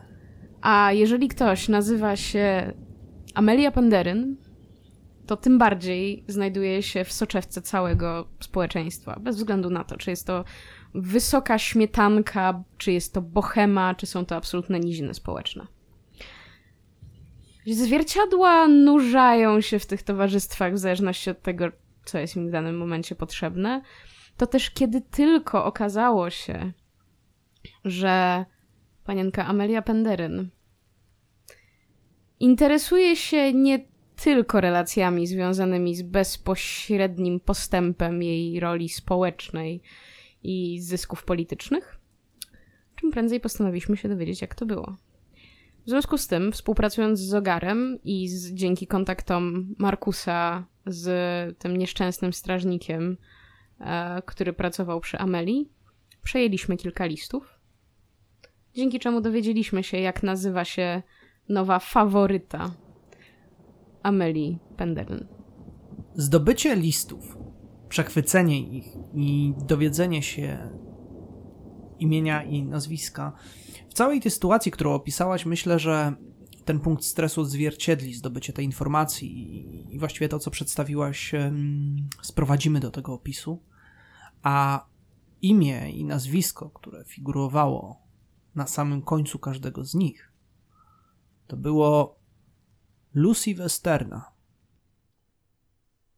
I tak jak na końcu każdego listu, myślę, że znajduje się również na końcu tej listy, która nas interesuje w tym momencie. Powiedziała pani? E, Lucy Westerna. Przepraszam, coś musiało mi siąść na gardle. Mężczyzna z krzaczastymi brwiami zaczął przeglądać listę. O, faktycznie, ale nie ma tu informacji o towarzyszach. Przepraszam, ale to trochę oburzające. Przecież to jest bal debiutantów. To oczywistym, że nikt nie pojawia się tutaj samodzielnie. Czy to jakiś. jakiś żart? Ktoś sobie ze mnie stroi jakieś mało wybredne żarciki? wykonaj test. Jeszcze jeden. Markusie, czy możesz mnie jakoś wesprzeć w tym rzucie? Na przykład zrobić groźną minę. Albo oburzoną minę. Ja myślę, że Markus, zniesmaczony całą sytuacją, zaczyna się denerwować, jego oddech przyspiesza, jego słoniowa maska jest w tej chwili opuszczana, a wyraz twarzy, który figuruje pod nią, jest pełen obrzydzenia. To może wspomoże ciebie dodatkową kością, a w takim wypadku chcę dowiedzieć się, jak tobie poszło. Dwie szóstki. To są dwie szóstki. No tak, tak, tak, Tak. wypadło. Jeżeli to jest sukces połączony z sukcesem krytycznym, bo w tym momencie mamy krytyczny sukces, dokładnie w tym momencie, kiedy udaje ci się osiągnąć taki sukces, majordomus spogląda na ciebie, ale dosłownie w tej samej chwili czujesz, jak ktoś dotyka twojego ramienia. Jest to młoda kobieta, ubrana w przepiękną, jasną suknię. Ma długie, blond włosy. Unosi się od niej zapach kwiatów, niespotykanych w okolicy. A jej niebieskie oczy wręcz hipnotyzują. Nie słyszał pan? Przecież wyraźnie powiedziała, że to oburzające. Panienko Amelio, proszę mi wybaczyć, ale ona tylko i wyłącznie odwróciła się w twoim kierunku. Dobrze wiedząc, że gry pałacowe działają w określony sposób, jedynie uśmiechnęła się nieznacznie, skinąwszy głową, ale znak ten był bardzo wyraźny. Ruszyła do przodu. W orszaku dwóch mężczyzn. Ochroniarzy, wysokich, mocno zbudowanych, z maskami lwów na twarzy. Ona natomiast założyła maskę łabędzia. Weszli przodem, a majordomus odsunął się, by zaprosić was do środka. Kiedy weszliście na salony, okazało się, że przede wszystkim wchodzicie do przystrojonej niesamowicie sali. Jest ona przygotowana na wzór magicznego ogrodu. Wszędzie znajdują się zwierciadła odbijające i powodujące złudzenie, jakby wszystkich było wielokrotnie więcej. Także przeróżne zapachy, które unoszą się z tutejszych kadzideł, przywodzą na myśl odległe krainy. Można dostrzec także przedziwne zwierzęta, które zamknięte są w klatkach. Lampy natomiast, w których wiją się fragmenty dusz, ściągają także ćmy, które zlizują ich energię. A co chwila natomiast wyładowania elektryczne przygotowane przez przeróżnego rodzaju cewki Tesli uderzają raz po raz. Muzycy zapodają najbardziej znane i popularne melodie, które dla wielu mogą wydawać się nietypowe, ale rozwój kultury, w szczególności w tej okolicy, jakimś cudem wzrósł. Wy natomiast, stając w całym tym świetle i otoczeniu, czujecie, że wręcz przygotowani byliście doskonale do całego skoku. Ciężko was zauważyć w całym tym zgiełku. Choć po bokach co jakiś czas można dostrzec ochroniarzy pilnujących tego miejsca. Jednocześnie, dokładnie w tym momencie, melodia została przerwana, a na schodach stanął mężczyzna. Wysoki, dobrze zbudowany, z prostą maską zasłaniającą tylko i wyłącznie jego oczy. Miał ostre rysy. Wydawał się z tego miejsca jakby lekko blady, ale może to było tylko i wyłącznie złudzenie. Schodził majestatycznie. A chwilę później jego głos, jak za sprawą magii, rozszedł się dookoła. Witam wszystkich bardzo serdecznie na tym wyjątkowym spotkaniu. Jest mi niezmiernie miło, że każde z Was chciało przybyć na to proste, banalne przyjęcie, które, jak możecie zauważyć, niestety nie dorasta niektórym, które odbywają się w naszym wspaniałym zmierzchomurze, ale jednak jedno mogę Wam zagwarantować. Tej nocy każdy z Was wyjdzie zadowolony i szczęśliwy, ponieważ to, czego spróbujecie i opary, które będą wydobywały się z kadzi, o, gwarantuję przepiękne wizje. Wszyscy już się tutaj zebraliście. Także i ktoś, kto jest dla mnie bardzo ważny. I faktycznie po drugiej stronie znajoma postać schodziła po schodach, a melodia zaczęła grać. Wszyscy pomału rozstępują się na boki. Podczas kiedy pan do mu przemawiał, Anna rozgląda się uważnie po zgromadzonym tutaj tłumie. Stara się wyhaczyć i zapamiętać te z zamaskowanych postaci, które nie są debiutantami, a ich ochroniarzami. Wyłapać te, które są zdecydowanie ważniejsze, może ubrane bogaciej, może wspomagane większą liczbą osób towarzyszących. I wyłapać też e, ochroniarzy pana domu, którzy na pewno gdzieś tutaj są. Absolutnie jest to bardzo dobre podejście. Poprosiłbym w takim wypadku także o test na obserwację tego wszystkiego, co dzieje się tutaj dookoła. Siostra Anny pomaga jej. W ten sposób, że ilekroć kogoś zauważy, tym, tym mocniej zaciska palce na dłoni siostry. Dobrze. Cztery? Cztery jest sukcesem, ale również z konsekwencją. Odpieram te konsekwencje Ale, na, gry. ale nawet nie wiesz, jakie one są. Nie szkodzi, nie chcę żadnych konsekwencji. Znaczy, biorąc pod uwagę to, że usiłuję wyhaczyć strażników, to przypuszczam, że najprostszą konsekwencją jest to, że oni też mnie wyhaczą. A Masz na rację. któregoś przegapię. I to są konsekwencje, Nie których... ukrywam, Nie. że konsekwencją faktycznie byłoby to, że ktoś by zauważył, że dokładnie wyszukujesz ich z tłumu. Aha. nie, nie. No dobrze, chcesz przyjąć stres, to w takiej sytuacji wykonaj test rzucając kaszustką. Wypadło mi trzy, czyli jak rozumiem, przyjmuję pozostałe trzy punkty stresu. Tak. Markus natomiast skupia się na tym, czy plan, który dostał wcześniej, pokrywa się z tym, co widzi teraz. Stara się ustalić, które drzwi są zamknięte i które są niedostępne. Którymi ścieżkami będą mogli przyjść, przejść, a które są dla nich zamknięte, niedostępne. Jeżeli chcesz się podjąć takiego działania, absolutnie możesz i zobaczmy, jaki jest jego wynik. Natomiast miej pod uwa- bierz pod uwagę to, że jeżeli test się nie powiedzie, to otrzymałeś błędne informacje. I będzie was to w takiej sytuacji słono kosztować, jeżeli będziecie podejmowali jakąkolwiek próbę ucieczki później. Mimo, że jest kontrolowana sytuacja, to konsekwencje tego mogą być dla was bardzo drastyczne. Dobrze, dlatego mimo, że mam jedną kość z obserwacji, chciałbym się sforsować, żeby dostać kolejną kość i zobaczmy, jak pójdzie mi na dwóch kościach. Czyli otrzymujesz punkt stresu, tak? Dobrze. Dwa. Wyrzuciłeś szóstkę? Tak. Widzę, że w takim wypadku to forsowanie przydało ci się, bo nie wiadomo, która z tych kości by to była. Przyglądasz się temu wszystkiemu, ale wiesz co? Jakby ze względu na ten sukces, który odniosłeś, ja chciałem się dowiedzieć, w jaki sposób zdobyłeś te plany, jak to wyglądało.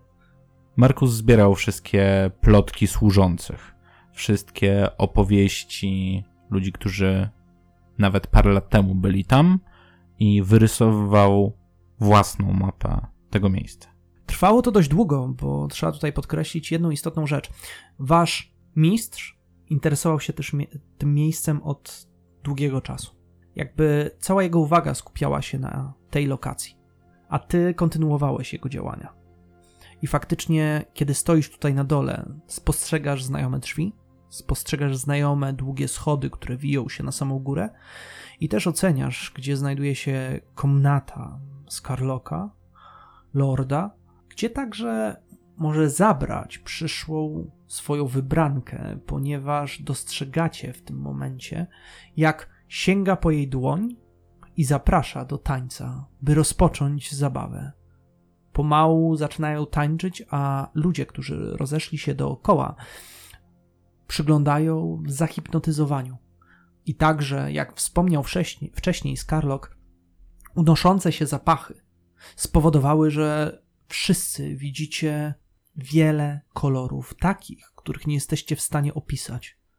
A kiedy suknia Lady faluje podczas tańca, zaczyna emanować niezrozumiałą energią, unosi się coraz wyżej, a oni razem sprawiają wrażenie, jakby unosili się w powietrzu. Zapewne to działanie oparów, zawieszeni w tym wiecznym tańcu. Ty natomiast przyjrzałaś się dokładnie, rozpoznając twarze osób, które mogły pilnować. Wiesz dobrze, kto jest ochroniarzem, kto jest strażnikiem, kto jest lokajem, ale między nimi wszystkimi także dostrzegłaś kilka postaci, które wyraźnie znalazły się na tym balu, nie bez powodu.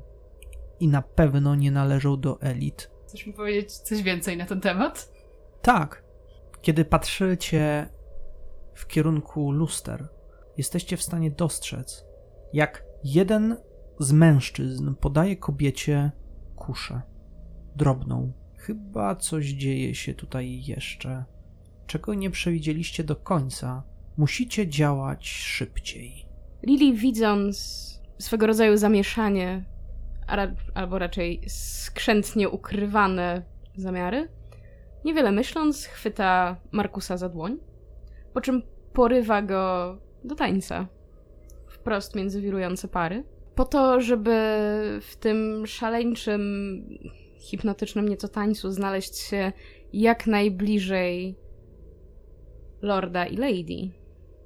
Bo przecież czym jest najlepszy bal, jeżeli nie można odbić partnerów? Absolutnie masz rację. Jest to fantastyczny ruch, poza kilkoma drobnymi elementami. Moje pytanie w tym wszystkim jest to. Rozumiem, że chcesz odbić lorda. Oczywiście, że tak. Lily od zawsze najlepiej czuła się na samym, gór, na samym szczycie. Rozumiem. Zaczynacie taniec, reszta par zaczyna się także dołączać do tego wszystkiego. Melodia jest coraz głośniejsza, a wszyscy bawią się niesamowicie. W tym czasie złudzenie, które powstało może dzięki lustrom, może dzięki oparom, przestało już działać, a Lord wraz z Lady opadli na ziemię. Wy zaczynacie toczyć koła coraz bliżej i bliżej nich, jeżeli chcesz osiągnąć sukces taki, aby odbić go. W takim razie ja na pewno będę forsowała ten rzut, Mhm, tak. bo jednakoś to trochę za mało. I na pewno Markus będzie cię wspierał, będąc bardzo cza- czarujący dla Lady. Dobrze, więc przekonajmy się, jak to wyglądało. Ryzyko jest spore w tym wszystkim, ponieważ możecie mm, spowodować, że Lord się zdenerwuje, a tego chyba nikt nie chce na balu. Sześć. Jako, że wspierałeś, mm, otrzymujesz, tak jak wcześniej, jeden punkt stresu. Natomiast ty mi powiedz, jak to mniej więcej robisz, jak to wygląda, ponieważ powiem ci, że dostrzegając ciebie, Lady, na chwilę się zawahała, uśmiechnęła i jakby oderwała od Lorda, ale ten absolutnie tego nie zauważył, ponieważ masz sukces, jaki osiągnęłaś, wspominając wcześniej. Ta chwila absolutnie wystarcza do tego, żeby Lily, teraz w zasadzie Lucy, a była w stanie znaleźć się ze swoim partnerem odpowiednio blisko pary wieczoru, by odpowiednio ustawić się tak, żeby Markus w jakiś oczywisty sposób stanął tuż przy Lady, żeby mógł ją poprosić do tańca. I ten ułamek chwili, w której Lady zawahała się, wystarczył Lily do tego, żeby w odpowiednim momencie, kiedy pary po raz kolejny wirowały w menuetach, uniosła swoją dłoń i złączyła ją z dłonią Lorda. Faktycznie, był taki ułamek sekundy. Widać wyraźnie, że Markus, nieobeznany za bardzo w grach pałacowych, niestety nie przejął tutaj inicjatywy. Zrobiłaś to ty, ale w idealnym momencie i w idealny sposób. weszłaś prosto w krok lorda, natomiast Lady wylądowała obok ciebie, Markusie. Lord, przez chwilę zaskoczony, ale nie wiedzieć czemu, zaczął skupiać swój wzrok na tobie, jednak chyba nie dostrzegł tego, co wcześniej tak naprawdę nosiło imię i nazwisko tej, pod którą się podszywasz. Za bardzo nie skupia się na tobie, ale nie taki był twój cel. Po prostu zaczyna tańczyć, lekko się uśmiecha i próbuje zachować powagę. A tutaj chyba najważniejsze jest to, co dzieje się w tańcu wraz z Amelią. Markus półszeptem, ledwo przebijającym się przez maskę, odzywa się do Lady. Panienka Lucy będzie czekać po odegraniu drugiego utworu przez orkiestrę w trzecim pokoju od końca na pierwszym piętrze. A, rozumiem. No dobrze, ale jeżeli proponujesz jej coś takiego, to musiało być zapewne zaplanowane przez was. Tak, em, tak było. No dobrze, ale w jaki sposób to zrobiliście? Bo w tej chwili widzę, że nie byliście w stanie za bardzo tego zrobić, um, wymienić tego zdania, znaczy nie przedstawiliście tego, że taki macie plan między sobą, więc tym bardziej też pomieszczenie niekoniecznie jest puste. Oczywiście powiedziałeś, że znasz plan tego domostwa, ale powiem ci, że nie oznacza to, że ten pokój konkretnie o tej godzinie będzie pusty. Wszystko było zaplanowane z dużym wyprzedzeniem. Czyli chcesz mi powiedzieć, że to było w przeszłości? Tak. Ale jak? Jakiś tydzień wcześniej Mhm. Markus poznał plotkę, Tak. A od jednego z cieśli pracujących w pałacu, że pokój znajdujący się na trzeci od końca pokój znajdujący się na pierwszym piętrze nad salą balową jest przygotowywany. W tej chwili jest niedostępny dla gości. Wymieniane są tam meble, kładzone są nowe draperie na ścianach i pokój powinien być zamknięty na czas balu. Mm, Dobrze. Jednakże poza tą informacją, Mar- Markus starał się wyciągnąć od cieśli klucz, który ten miał już na własność, aby łatwiej było mu się tam dostawać. Dobrze. Jest mniej więcej późne popołudnie. To jest stara oberża. On siedzi trzymając kufel i spogląda prosto w twoje oczy. Umówiliście się, zapłaciłeś mu wcześniej dukaty, ale teraz niechybnie spogląda w twoim kierunku. Mówisz mi, że miałbym dać ci klucz? Chyba sobie kpisz, nie ryzykuję swojego zdrowia i życia wobec mojego pana. Tutaj już chyba nie mówimy o dukatach, a o czymś więcej. Tak, em, oczywiście. E, jak smakuje ci piwo? Jest wyśmienite, a co mogłoby być z nim nie tak? A, widzisz, e, nie wydaje ci się, że poprzednie smakowało trochę inaczej? Eee, rozumiem. Wiesz co? Ja chyba wiem, co chcesz tutaj powiedzieć i nawet wyprzedzę to. Wykonaj ten test, dobrze? Ale poczekaj, jedna rzecz. W zależności od tego rzutu, zaraz się przekonamy, bo w sumie nie powiedziałem, ile osób jest w karczmie, jak to wygląda, kto tam jest, więc przekonamy się tym rzutem tak naprawdę, co tutaj się wydarzyło. Dobrze. A to będzie rzut na to, czy udało mi się zatruć to piwo w taki sposób, Tak. aby jegomość przede wszystkim nie padł na moich oczach, zanim dał mi klucz. Po Mhm. drugie, aby czas pozwolił mi go spokojnie wyprowadzić z karczmy lub przekonać do tego, że jest mi pomóc. Otóż pięć. To powiem ci tak. Jeżeli chodzi o niego, to trucizna faktycznie została przez ciebie podana. Faktycznie również klucz możesz zdobyć, jakbyś chciał, ale gwarantuję ci, że on padnie w środku karczmy i nie ma tutaj jednej osoby, czyli karczmarza poza wami. Jest tutaj całkiem sporo osób. Również i może być wśród nich jakiś błękitny płaszcz.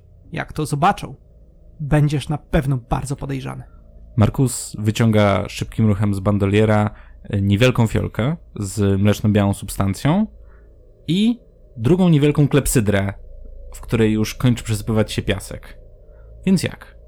Fiolka za klucz? I patrzy ostentacyjnie na końcówkę przyspującej się klepsydry. Bardzo podoba mi się to. Wiesz co, ja rzucę na szczęście i zobaczymy, co tutaj wyniknie. Fortuna niech tutaj zagra. Niestety nie udaje się jemu, Fortuna sprzyja tobie. On patrzy, zaczyna zalewać się potem nerwowo. Sięga do pasa, wyjmuje klucz, kładzie na stół. Wyciąga rękę w kierunku fiolki. Przesuwam ją szybkim ruchem, łapię za klucz, wkładam do kieszeni i wstaję od stołu.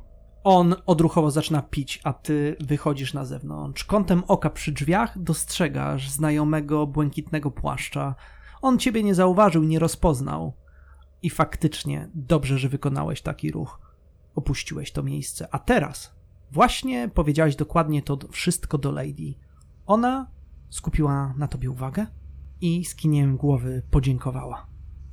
E, Czy Michałowi, że tak będę złośliwym współgraczem, nie należy się jakiś punkt stresu za ten wspaniały flashback? Absolutnie masz rację. E, tutaj w całej, w, całe, w całej tej sytuacji e, otrzymuje jeden punkt stresu. Później wszyscy, którzy zauważyli wymianę partnerów, zaczynają się wymieniać, krążyć i tańczyć, a po mniej więcej 20 minutach tańce trochę ustają. Podczas kiedy Markus i Lili zajęci są um, podbijaniem serców wysokiej sfery, Anna, która również dołączyła do tańca, bardzo stara się nie spuszczać oczu z kobiety z kuszą. Um, co przypuszczam jest dosyć mocno utrudnionym zadaniem, jako że wszędzie wirują pary, partnerzy się zmieniają, e, ale myślę, że to jest dosyć priorytetowa sytuacja w tym momencie. Zawsze dobrze jest wiedzieć, gdzie jest ten drugi zabójca na sali. Jasne, to ja bym cię poprosił o ponowny test, ponieważ jest to naprawdę bardzo utrudnione. Ci wszyscy, którzy są tutaj dookoła, em, odwracają uwagę i powiem ci, że nie jest to trudna aż tak bardzo sytuacja, ale konsekwencja, tak, myślę, że jakby reasumując, wszystko jest na średnim poziomie. Okej, to ja z założenia chciałabym forsować ten rzut, bo jest dla mnie dosyć istotny, ale to forsowanie rzutu powoduje bardzo zabawną sytuację, czyli wejście mojej pierwszej traumy. I w związku z tym, czy możesz mi powiedzieć, e, co się dzieje? Czy mam na to rzucać? E, W sensie, czy najpierw rzucam, czy mi się udało coś zobaczyć? Czy najpierw padam martwa? Wiesz co, w tej sytuacji weźmy, zróbmy to w ten sposób, ponieważ jest to dość istotny rzut. Wykonaj ten test, Mhm, a następnie w tym wypadku e, zadziała trauma. dobra.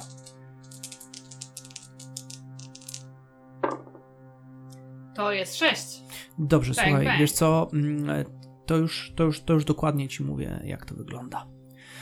Kiedy rozglądasz się, szukając cały czas tej osoby, tej kuszy, dostrzegasz w pewnej chwili mężczyznę, który obchodzi wszystkich dookoła i przysięgłabyś, że skupia on całą swoją uwagę na tobie i w żadnym wypadku ofiarą nie jest Lord.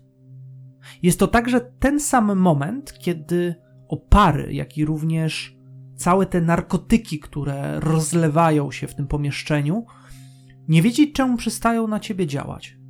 Widzisz coś nienaturalnego w spojrzeniu Lorda. Widzisz także to, że wszyscy ludzie, którzy są wokół ciebie, wyglądają dość dziwnie. Obsługa natomiast, która jest w tym pomieszczeniu, wszyscy ci ludzie są bardzo bladzi, jakby można było dostrzec poprzez tą papierową skórę każdą z ich żył. Słyszysz nie muzykę, a uderzenia serca, raz po raz. Postać niknie w pewnej chwili z twojego widoku, ale zapamiętujesz wyraźnie charakterystyczny jeden element. Mężczyzna ten na policzku posiadał wytatuowaną łzę, cokolwiek to znaczyło. Ty natomiast czujesz lęk narastający, twoja postać. W pewnym momencie nogi osuwają ci się.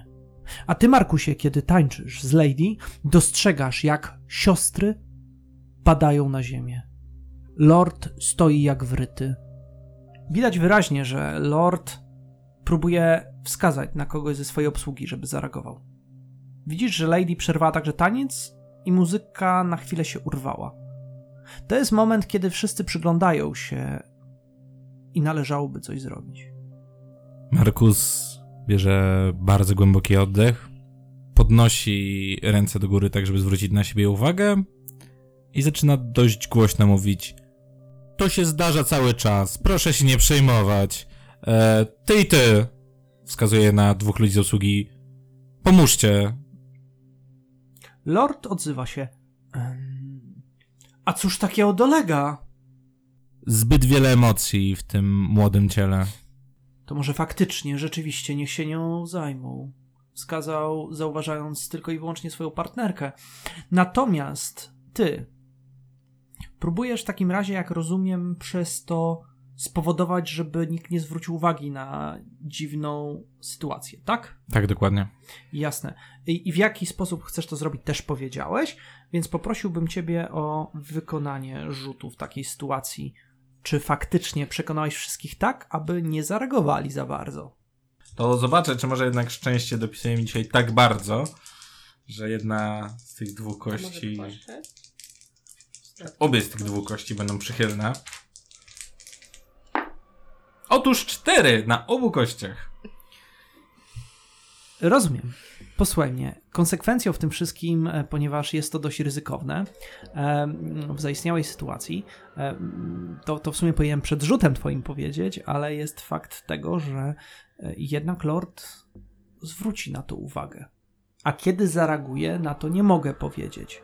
Czy przyjmujesz tą konsekwencję, że Lord jest lekko poddenerwowany całą sytuacją? Tak przyjmuję. No dobrze. To zróbmy to tak. Gdzie chciałbyś, żeby one się znalazły? Um, może w saloniku dla gości na pierwszym piętrze. Mm, czy to jest salon ten sam, w którym mieliście zaaranżować spotkanie, czy to jest inne pomieszczenie? Inne pomieszczenie, ale bardzo blisko, w tym samym korytarzu. Może tak być. Budzicie się lekko otępiałe. W pomieszczeniu czuć zapach drewna, dość przyjemny. Jest także świeży zapach pastowanej podłogi.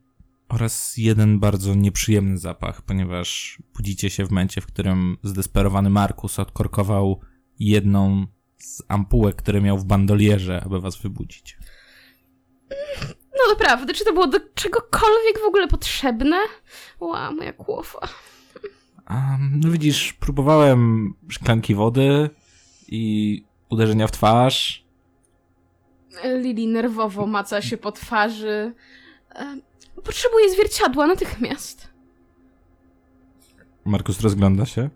Faktycznie jest tutaj kozetka. Na niej zwierciadło. Obraca zwierciadło w stronę Lili. Kobieta w pierwszej chwili odrobinę się krzywi, kiedy patrzy w lustro. Naciąga trochę skórę na policzku, jakby chciała sprawdzić, czy wszystko jest na miejscu. Poprawia trochę włosy. Doprawdy. To jest.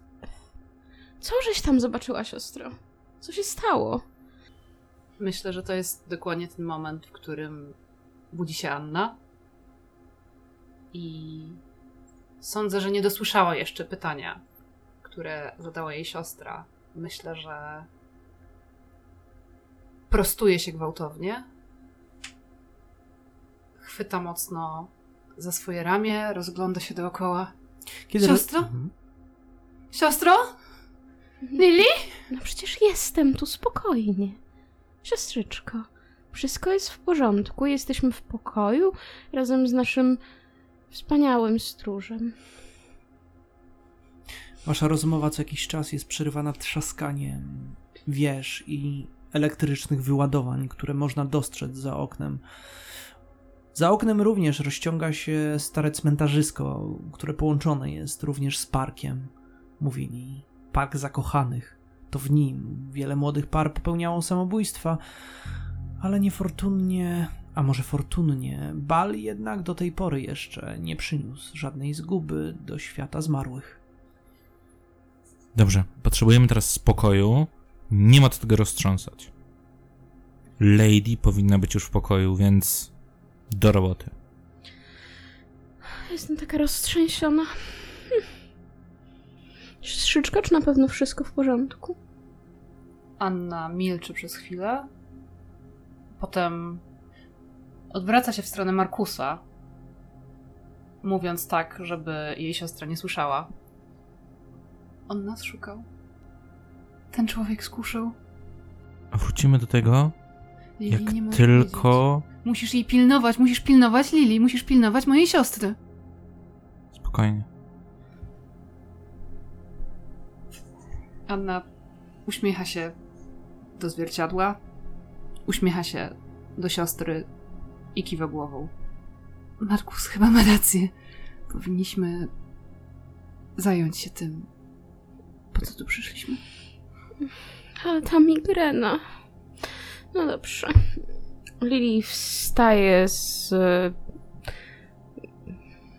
szezlonga, prostując się, przeciągając się trochę jak jej siostra ma w zwyczaju. Mm. Słyszycie pukanie do drzwi.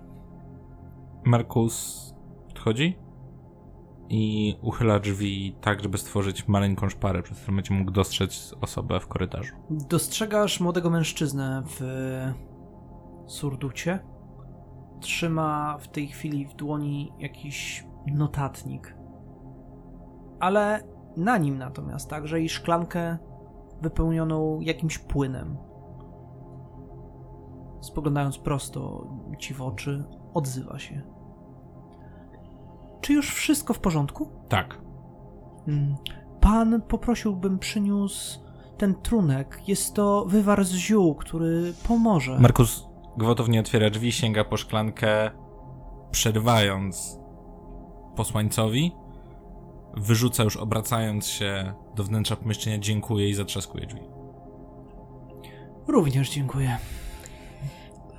Markusie, kiedyś powinniśmy porozmawiać o twoich manierach. Ale myślę, że nie teraz. Na przykład jak już stąd wyjdziemy i Anna będzie czuła się trochę lepiej. Co to? Teraz się dowiem.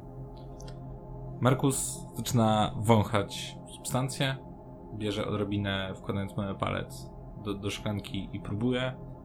A jeżeli to jest konieczne, to sięga po e, swój zestaw, aby sprawdzić odczyn. Kiedy sięgasz, by zorientować się, co to jest, myślę, że masz odpowiednie przedmioty przy sobie, by dokonać takiej weryfikacji. Okazuje się, że nie jest to żadna trucizna. Nie tym razem. Chyba przezorność bierze górę u ciebie.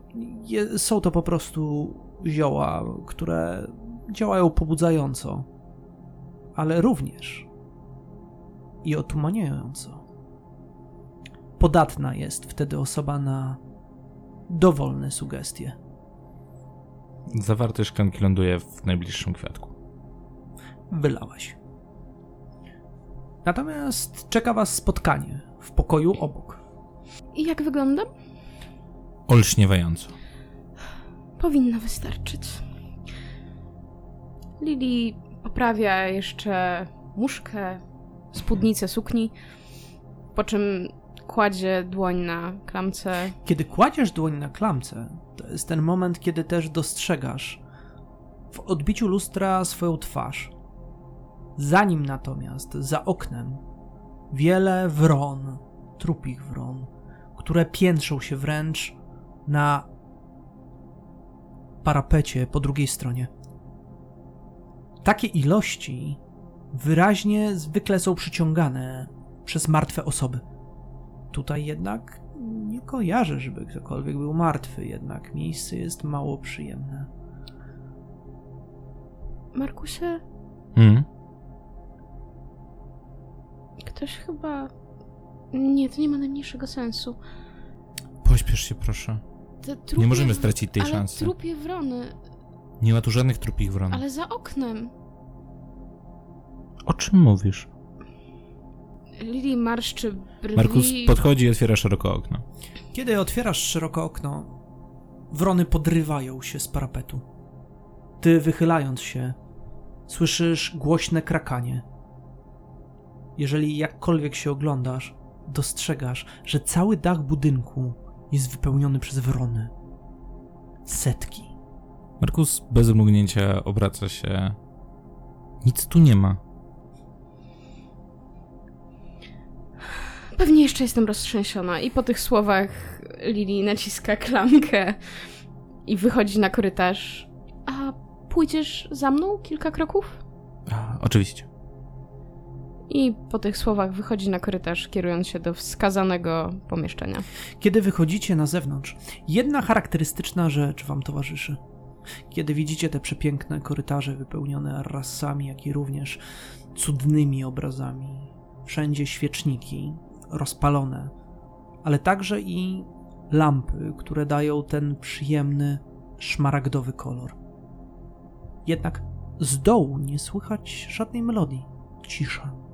Wyraźna cisza. Jakby nikogo nie było na dole. Stoicie obok drzwi umówionych. Na lewo i na prawo, korytarzem rozglądając się, nie dostrzegacie żadnej obsługi. Drżącą ręką Lili naciska klamkę do drzwi i popycha je delikatnie do środka.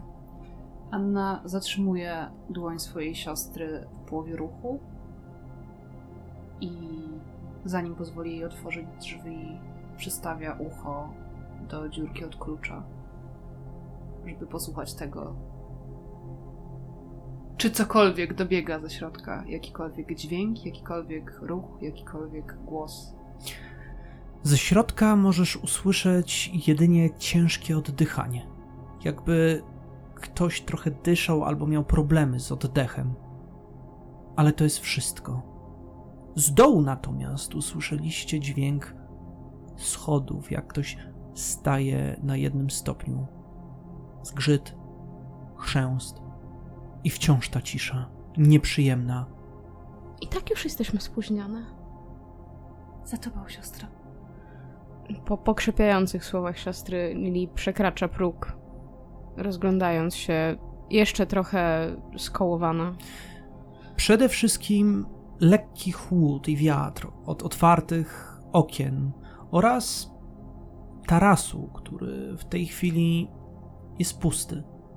Naprzeciwko was jednak, na łożu, leży kobieta. Ma delikatnie powiającą suknię na wietrze. Ma bladą cerę. Jej włosy zasłaniają część twarzy, ale jednak wydawałoby się, czy to efekt jakiegoś szaleństwa, może paranoi. Jednak taras, przed chwilą będący pusty, w tej chwili stał się miejscem zlotu kilku ptaków. Wpierw pierwsza, druga, trzecia, czwarta. Wrony spoglądają swoimi oczami, które tlą się energią, jakby czekały. Najdroższa? Kiedy zbliżasz się, ona, ciężko dysząc, podnosi wzrok. Na jej szyi można dostrzec srebrną kolię. Jesteś tutaj? Nie widzę cię. Tak, Amelia. Podejdź, proszę. Lili trochę niepewnym krokiem, co chwila zerkając od wron na kolię, to na twarz kobiety, to znowu na kolię, to znowu na wrony, kieruje swoje kroki stąpając bardzo ostrożnie, jakby jak najciszej. Twoim celem jest to, żeby być jak najcichszą, ale jednocześnie twoim celem wobec niej jest Wzbudzić zaufanie. Dobrze. To kiedy zbliżasz się w jej kierunku, czując się spokojna, spróbuj zdobyć to zaufanie. A w takim razie, jako że Amelia nie wie, kim jestem i korzystam z przebrania, chciałabym skorzystać ze sztuczki mojej klasy, czyli z gry pozorów. W związku z tym dostaję za to jedną dodatkową kość i tam mam chyba plusy w inicjatywie ewentualnie. Jak zrzucę przebranie, to będę ją zaskakiwać. Ona nie będzie wiedziała, że w ogóle wszystko. Dobrze. Rzucam. Eee, tak. To widzę, że nie ma tutaj sukcesu. Otóż nie. Jasne. Cóż, słuchaj, to przede wszystkim e, w takiej sytuacji e, otrzymujesz pytanie, czy masz pancerz. Mam. Ma pancerz. Mam, posiadam. To w takiej sytuacji jesteś w stanie zbić. Jeżeli masz zwykły pancerz, to w takim razie jesteś w stanie zbić o jeden stopień, e, żeby spadło to na krzywdę pierwszego poziomu. To tak chcę zrobić, tylko nie wiem. Aha, tutaj, dobra. Odznaczasz w takiej sytuacji. Kiedy podchodzisz do niej bliżej, wyciąga w twoim kierunku dłoń. Dotykasz jej. Przybliża ciebie do siebie, odgarnia swoje włosy, które zasłaniają jej twarz i dostrzegasz, że jest ona bardzo, ale to bardzo blada, ma zapadnięte policzki, jej wzrok jest tępy. Patrzy głęboko w twoje oczy i w pewnej chwili jej delikatny grymas nadziei niknie z twarzy. Przeradza się w nienaturalną wściekłość i z całej siły uderza ciebie w twarz swoimi pazurami, wbijając w policzek i przeciągając z olbrzymią siłą. Poczułaś ból, a ty, Markusie, widzisz, jak, jak twoja przyjaciółka zostaje odrzucona i przewraca się na ziemię. Amelia pomału podnosi się, choć słaba. Jak śmiałaś? Kim ty jesteś? Nie zbliżaj się do mnie! Lili trzyma się dłonią za twarz, patrzy zupełnie skołowana i zmieszana, zupełnie nie wie, co się dzieje. Ale, ależ, ależ o czym ty mówisz, moja droga? To, to pewnie zmęczenie. Ja nie jestem sobą. Markus stara się podbiec i pochwycić niebezpieczną kobietę, aby uniemożliwić jej ruch. Zanim to zrobisz, muszę wykonać pewien test na fortunę. Markusie, chcesz się zerwać już do działania, ale zostajesz całkowicie zaskoczony. Drzwi eksplodują praktycznie z zawiasów od potężnego uderzenia.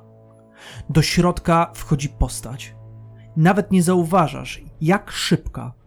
Jedynie towarzyszy temu ból twojego boku i przewracasz się do tyłu, lądując obok twojej towarzyszki. W drzwiach staje władca tego domu. Skarlok góruje nad wami. Patrzy na ukochaną i na was. Co to ma znaczyć, psy? Jak śmiecie. Moją wybrankę. Myślicie, że jesteście cokolwiek warci? Wiecie, kim ja jestem? Wiecie, kim ona już jest? Ten dom nie należy do takich jak wy. Dostrzegacie, jak za nim pomału wchodzą młodzi ludzie z wysokich domów, nobilitowani, wszyscy bladzi i czujecie ten smród ektoplazmy rozchodzący się od nich, wyraźnie pochłaniani przez nienaturalną energię umarłych.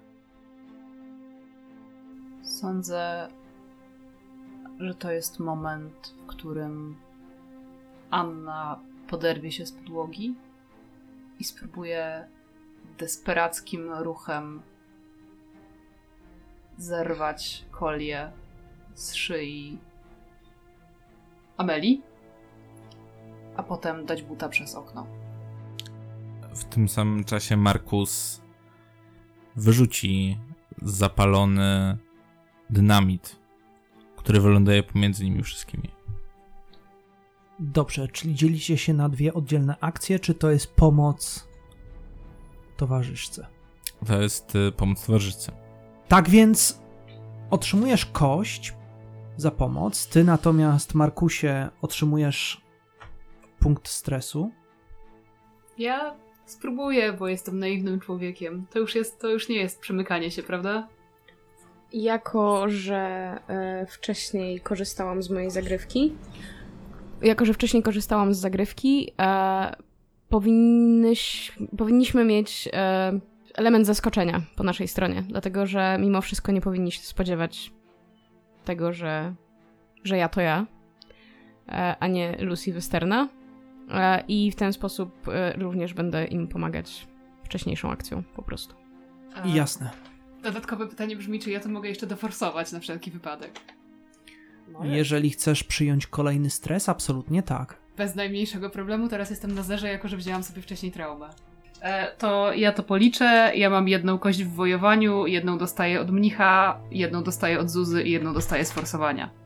To się zgadza. Tak. Fantastycznie. Nie dowiedźcie mnie kości. Sześć.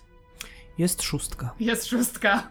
To słuchajcie, to jest ten moment, kiedy dostrzegacie ich wszystkich, widzicie władcę, a w jego oczach dostrzegacie to światło, które jest tak znajome w całym mieście. Rozpoznajecie światło nieumarłego, a on na pewno nie jest człowiekiem. Markusie? Tego nie spodziewał się nikt, kiedy pod płaszczem zapalasz dynamit i rzucasz w ich kierunku. Jego słudzy, podwładni, jeszcze otumanieni, nie reagują od razu. On zrywa się w takim wypadku w waszym kierunku z wściekłością, a natomiast twoja towarzyszka podrywa się, by zerwać kolię. Opiszcie w takim wypadku, jak wyglądacie na tle księżyca przez okno biegnący w kierunku tarasu. A jako, że osiągnęliście taki sukces, to dobrze wiecie, że. No właśnie, co wiecie? Opiszcie.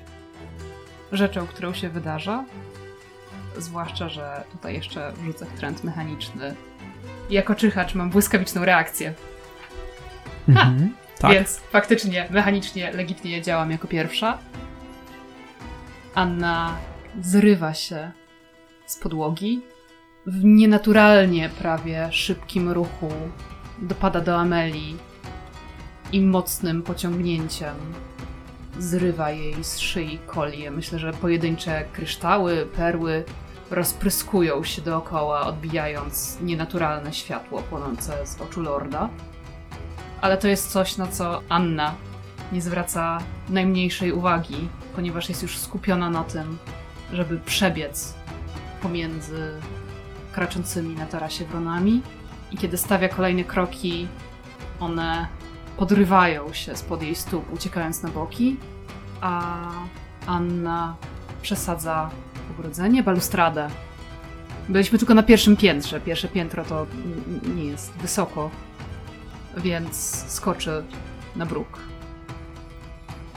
Za wami widać, jak pan i władca zrywa się, nienaturalnie unosi wręcz w powietrzu, a chwilę później słychać potężny wybuch. On natomiast uderza plecami o jeden z filarów, a wy wraz z łoskotem opadacie na ziemię.